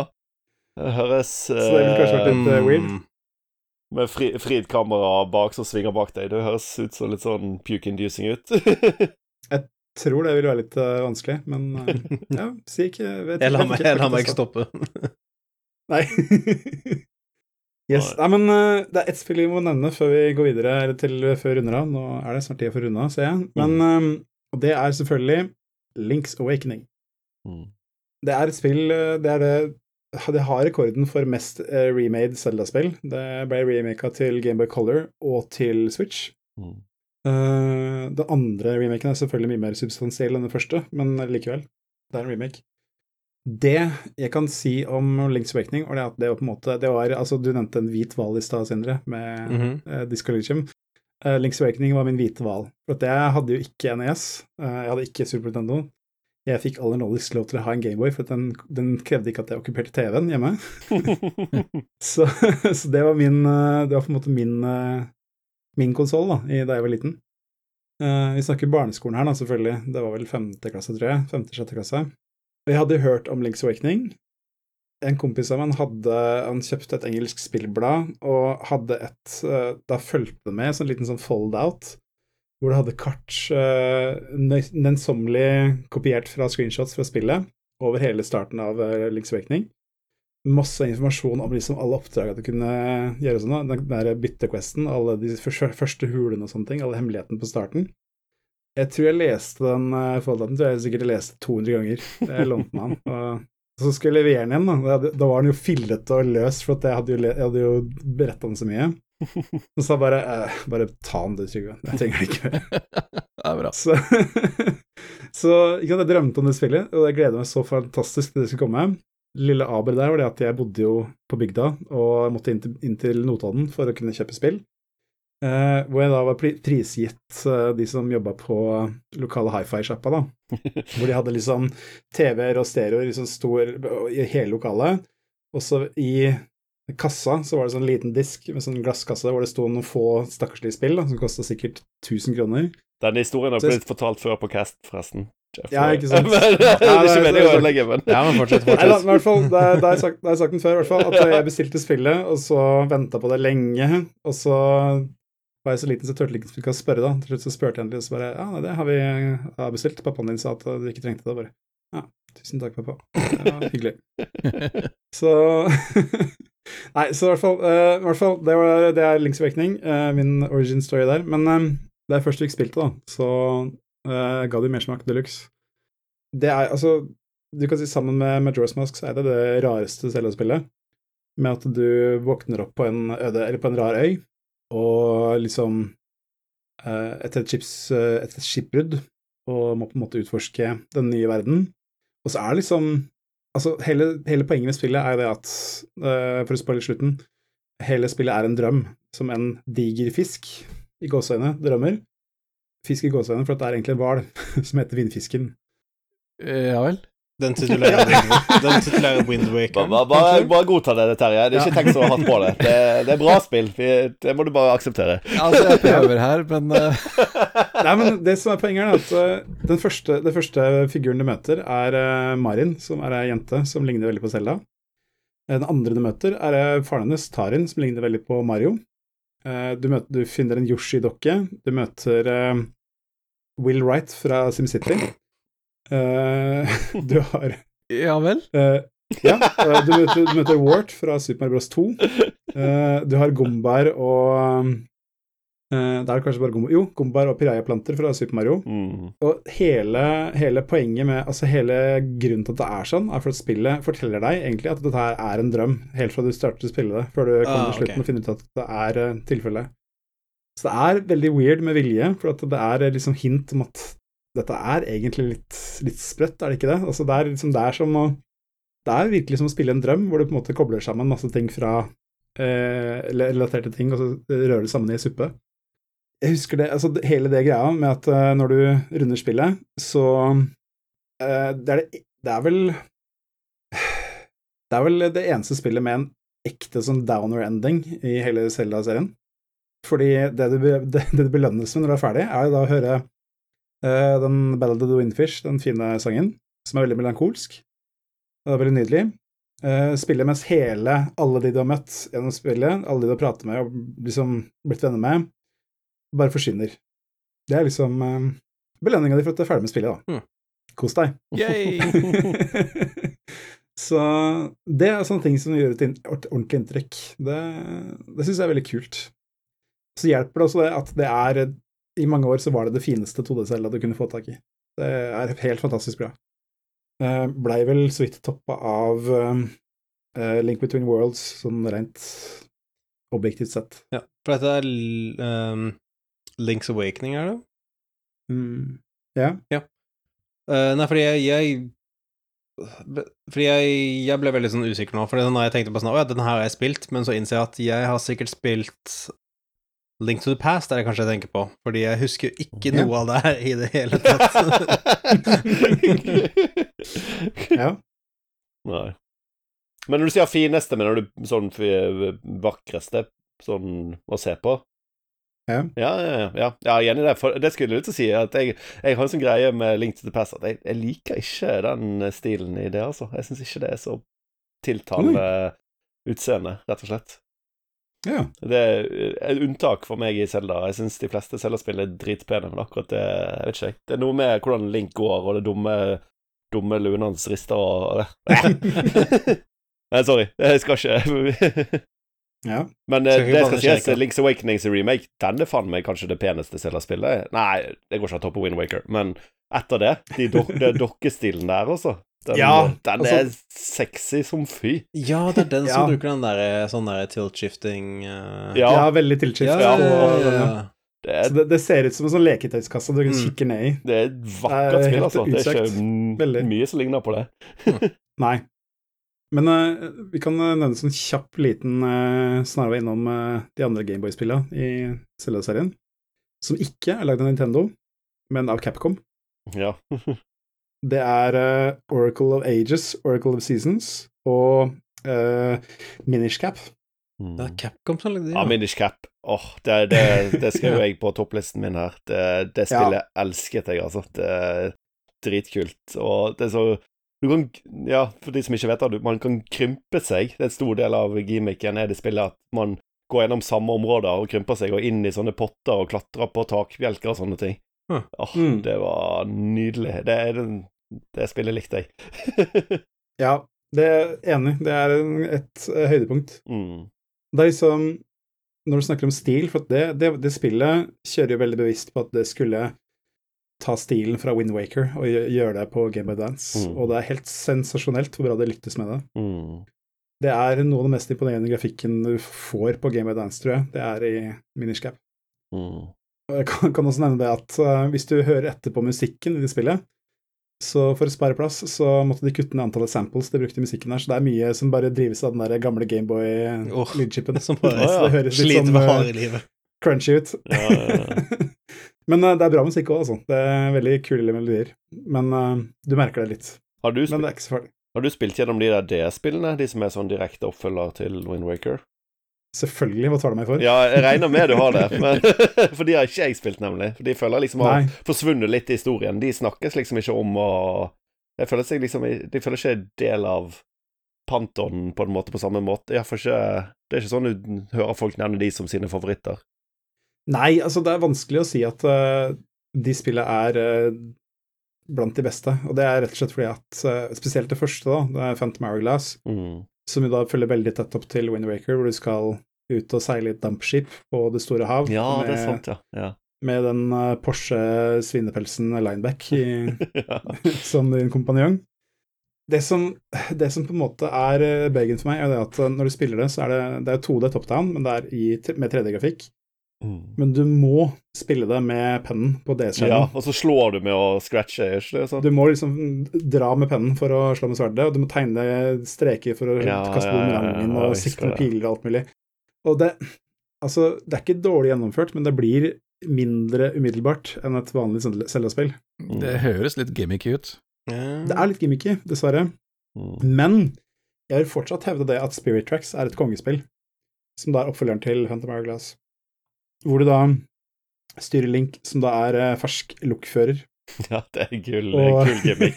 Driver du og legger tracks og sånn sjøl, gjør du ikke, eller? Eh, nei da, det, men det, altså, du, du, du kan bare kjøre på de spora som er der, men du, du finner nye kart, og så da er det magiske togkart som da får skinnene til å dukke opp. Ah, sånn var det. Ja. Heng med, Terje. Ikke Ja. Jeg, jeg, jeg bare valgte å være stille på den der. Nei, men uh, Spirit Tracks har uh, blant annet veldig bra musikk. Uh, når du kjører toget, så er det sånn herlig sånn fløyte- og banjo-låt som spilles, og den er helt konge. Det er sånn Det er den som er på den banen i Smash Bros, regner jeg med? Uh, Ja da, når du spiller den, den, den Spirit Tracks-banen, i Smash Ja, Bros, så kommer den. ja, ja. Den er fin.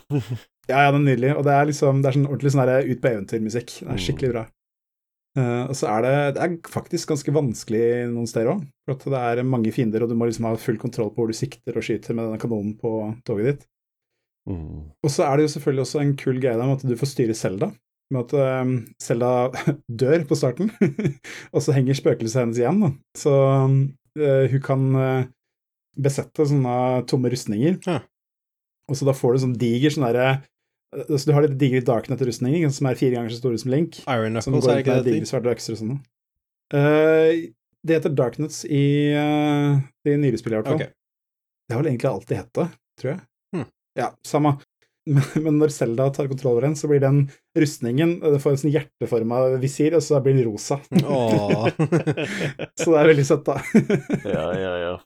Nei, så, men altså, det er um, det, det, det, det følger noen andre regler, men uh, de spillene er, er ikke dårlige, altså. Ja, men altså- bare krever litt sånn uh, Jeg, justeringer. jeg hører Selda døde tidlig i denne serien, sånn sett, egentlig. Altså Jepp. ja. Men det gjør ingenting, for eh, vi er Det er helt andre historier i de andre spillene. så Ja. Nei, men uh, hun blir levende igjen, så det er ikke noe, det er ikke noe fare sånn sett. Mm. Ah, Mm. Ok. Nei, men uh, hva vi skal si skal vi, skal vi si noe mer? Jeg vet ikke om det er noe vi trenger å gå gjennom igjen. Ja, jeg tok og gikk Jeg så gjennom uh, sendeskjemalisten nå. Mm. En ting er jo at uh, hva er det du ikke liker med Selda? og en, et minne som poppet opp inni hodet mitt nå, er jo den jævla ugla i Majora's Mask, som bare bruker 800 jævla paragrafer på å forklare alt til deg. Mm. Mm. Og så bare trykker du forbi det, så ja. Trykker, trykker forbi, trykker forbi, trykker forbi. Uh, så det er greia. Uh, du kan trykke gjennom dialogen for å få det fortere, men så sniker den inn en Do, you want me to repeat all that? Yes, Ja, no. Oh, Ja. Jeg har gjort den har den tabben, ja. Et par ganger. ja, og Ja, det det, det endra det i remaken, for å si det sånn. Ja, og hvis jeg husker riktig, så er det um, Knappen defaulter til den øverste uh, av, Ja, det. av, uh, av ting du kan velge, som er no. Så du venner deg til at bare typ sånn, ok, trykk, trykk, trykk gjennom, og så går, trykker du ned Ja. for å bare si bare sånn, nei, la, la oss fortsette videre. Men hvis jeg husker ikke, så randomisa det rekkefølgen på ja og nei i dialogen bare for å fucke med deg. Så du kunne ikke, gå, du kunne ikke gjøre det på muskelminnet, du ble bare fanget. Ja. Ja, så den jævla ugla, det, det er en ting jeg ikke liker med Selda. Ja. ja, den jævla ugla. Men uh, nå, nå er du inne på det som på en måte er uh, de nyere uh, pet peeves da med Selda-serien. Det er jo Navi og um, Tattle fra Majora's Mask og Ocarina. Mm. De feene som driver og forteller deg hva du skal gjøre. Mm. Og så er det Fai fra Skyward Sword, Ja, det er sverdet. som er uh, sverdet ditt, Ja. som bare Ja, Så, så skal det- fortelle deg hva som skjer da. Det er greia, jeg, jeg skjønte meg aldri helt på hatet mot Navi, fordi jeg ble aldri plagd av det når jeg spilte det, men det kan hende det var fordi jeg bare ikke visste hvordan jeg spilte Selda, så det var veldig nyttig at noen kom og bare kjeftet på meg og bare forklarte meg hvordan jeg skulle gjøre ting, så Mm. Mm. Men eh, jeg kan, kan nevne én ting der. Det er at uh, I fjor så spilte jeg gjennom uh, Ocarina of Time igjen med den porten som heter Ship of Arcinian, Mm. som er en eh, native PC-port. Uh, som gjør Selda til et ja, native PC-spill med 4K-grafikk, widescreen, alle enhancements du kan tenke deg. Men har de fjernet så mange deler av Selda og erstattet de andre, sånn at det ikke er gjenkjennbart som Selda lenger? Det er riktig. Nei, men eh, det som er uh, greia, er at um, du kan velge om du vil slå, å slå av Navi, sånn at du ikke får hjelp lenger. Oh. Uh, det valgte jeg å spille med, uh, og fant ut det at det, er nå, det var da så mange år siden sist jeg spilte Corina, at jeg måtte liksom Du måtte faktisk ha guides, ja. Jeg måtte faktisk Nei, altså, men jeg måtte faktisk leite litt, Altså, tenkte på ja, hva skal jeg mm, uh, Hvor skal jeg nå? Å ja, ikke sant! Og det var en kul opplevelse. For at, eh, er- jeg var jo vant med at liksom, du bare fikk beskjed hele tida at ja, nå må du gå dit, nå må du gå Mm. dit, Gjør- snakk med den, gjør sånn. Og så uten det, da, så ble det liksom Det var liksom litt som å spille på nytt igjen, da, for at jeg måtte liksom tenke litt Ja, hva var det jeg gjorde der, hva var det den sa, hva var det som skjedde nå, ikke sant, sånne ting. Så det er uh, verdt å anbefale. Ja, Mm. kult. Og så når vi er inne på Selda uh, Sourceports, så må jeg også nevne den som heter um, Glemt hva den heter. Det er i hvert fall en sourceport av uh, Link to the Past, eh, samme greia der, eh, som lar deg også spille med en mod som bytter ut all musikken med uh, CD-kvalitetsmusikk. Uh, det er opp til hver enkelt hva man syns om det, men det er de samme musikken, bare at det er en, en nytt arrangement da, med fulle orkestersamples. Er Mm. Eurobeat-versjoner. jeg syns det var kult. Mm. Det er Eurobeat-versjoner. Ja. Ja. Alltid, alltid Eurobeat-versjoner. uh, det eneste jeg kan komme på som ikke er nevnt nå, det er multiplayer-spillet med Zelda. ja. Det fikk jeg aldri prøvd, men de virker veldig kule, de er Four Mm. Swords. Å ja, Four Swords ja, og alt det der. altså ja. For Swords Adventures og Four Swords, ja. Um, det som er greia, er at det krever mye for å få spilt det. Mm. Altså, enten så må du ha en GameCube med fire Game Advance, eller så må du ha den DSI-appen som, ble- som bare lå ute i et år. Mm. Sure. Eller, eller så må du spille Triforce, Triforce uh, Heroes, som var til 3DS. Eh, jeg kan avsløre det at det er ingen av de mulighetene som er spesielt gode. Det Selda i multiplayer er bare ikke spesielt bra, altså. Mm. Jeg, altså jeg spilte gjennom hele Triforce eh, Heroes uh, aleine, for at eh, det var ingen som spilte det på nett. det, det bare funker ikke bra, altså. Mm. Det er sånn du Det er liksom Selv det handler om utforsking, mens uh, multiplayer-versjonen er mer sånn du må skjønne akkurat hva de gjør, og så må du, bare koordinere det sånn at du gjør det perfekt for å komme videre. Ellers så funker det bare ikke. Mm. Det, det er bare ikke ålreit, altså. Så Nei. jeg plages ikke hvis ikke de Eller hvis de dropper eh, flere multiplayer selv, så plages jeg ikke. Nei, altså det er jo ikke det jeg vil ha fra Selda, det er jeg helt enig i. Eh, Mm. Jeg tror bare jeg likte Crystal, eh, Crystal Chronicles. Det syns jeg funket ganske bra. Mulig. Jeg syns det funket bra da, iallfall. Jeg har ikke spilt inn i nyere tid. Men eh, så jeg, jeg likte den gimmicken veldig godt med, med å ha sånn informasjon bare for deg på skjermen og sånne ting. Så, Ja. så jeg hadde liksom tro på at det kunne funke for Selda òg, men eh, Ja. Det, det er verdt å nevne at uh, akkurat Final Fantasy Crystal Chronicles ble jo, fikk en remake. Ja, kom, den- Som kom for noen år siden. den ble jo Det ganske slakta, ble ikke den? Eller? Mm, det er jo samme spillet, at du kan spille online. Ja. det funker på samme måte. Du har Ja. fortsatt dine egne objectives. Hmm. Uh, så jeg syns det funka veldig bra. Jeg likte det veldig godt. Likte det da, likte det nå. ja, Men okay. um, Kult. det er ikke for alle. Nei, jeg elsket det i gamle dager, men jeg, jeg mener jeg husker jeg leste noe sånn der eh, at det var noe jeg, Og så gledet meg litt til den, og så tror jeg jeg ble overbevist av noe review om å ikke kjøpe den. Jeg, den som kom for et par år siden. Men eh, kanskje jeg skal gi det en ny sjanse, da. Det hadde vært, eh, hadde vært kult å spille gjennom det. I hvert fall hvis man Mm. eh, har noen å spille med, tror jeg. Ja, eh, jeg tror jeg har det på Switch, tror jeg. Ja, ja, ja. Mm. Det er Nei, men ja, men det, det, er, det, altså, det er veldig basic, det spillet. Men, Ja, det er jo det, men uh, det var noe Dette er andre gang vi har crossover på Final Fantasy for øvrig, så Ja. det er klart det. Yes. Mm. Nei, men dere. uh, når vi da har runda av eh, med selvfølgelig det høyeste høydepunktet i hele Zelda-serien, nemlig Final Fantasy, så kan vi vel uh, si at vi har eh, gjort vår skjerv. Men, Ja. men uh, først, før vi før vi runder av, så må vi selvfølgelig spørre Terje. Terje, hvilket Zelda-spill gleder du deg mest til å spille først? Hva skal du sette deg og kose deg med når vi er ferdig med å spille inn? Altså, det må jo være Må jo ta det i rekkefølgen, da. Så jeg må, bare, må jo bare starte på nytt med det første. Det er ikke noe lurt. Veldig fornuftig. Ja. Veldig fornuftig. Du kommer aldri til å få spilt de spillene Terje, når du skal begynne sånn. Da kan jeg, kan jeg anbefale den jeg har på pulten her, som da er min uh, Oi sann. Veldig Som er min Legend of Zelda Game Watch, Så der, ja. Ja. som selvfølgelig alltid står der. Ja. Skal jeg slå av lyden? Men uh, ja, den anbefales. Den kosta 200 kroner på Elkjøp i fjor. Så Det er ikke noe, det er ikke noe Tim Follin-musikk i Zelda, er det det? jo, jeg tror Paul laga all musikken til alle spillene. Lure Terje til å spille det sånn, ja. Ja, Jeg beklager, det går ikke. Brukte sånn kunstnernavn. Koji Kondo, liksom. Ja. Det Herregud. Jeg har et samlealbum av uh, irsk folkemusikkversjoner av Selda-musikk. Ja, ja. Av en eller annen grunn. Ja, ja. Ja, ja, Som jeg fikk tak i et eller annet sted. Veit ikke hvorfor engang. Det, er, vi det, det, kan jeg episoden, det kan jeg faktisk se for meg funker ganske bra. ja, faktisk. Ja, det er ikke Det er uh, en komponist som heter Imir Noon, hvis det er en irsk Hvis noen har hørt om i det hele tatt. Mm. Eh, Dessverre ikke. kjent, ja, ja, selvfølgelig. Kjenner jo alle til den personen. Ja. Ja, hvorfor gjør dere ikke det? Ja, ærlig talt. Oh. Ja, nei. ja, det var litt sånn Selda-fanboy-runkeri. Det var vel det. Ja. Så Nei, altså, det, du kan si jeg kommer aldri til å gå lei av Selda, tror jeg. Det er, Nei, det jeg sitter så dypt. Så det er uh... Ja ja, alle Selda-spillene som kommer i all framtida meg er nødt til å være bra. Ikke sant? ja. Mm. Jeg har jo vært hittil, så Gleder meg til, eh, gleder til HD Ja. remake uh, av Faces of Ja. Evil, blant annet. Det blir spennende. Ja, ja, Altså, Kan, det kunne bli bedre? Dis Diskosalgene går jo oppover hele tiden, så yes! det er akkurat det. Åh, herlig referanse. Det er bra.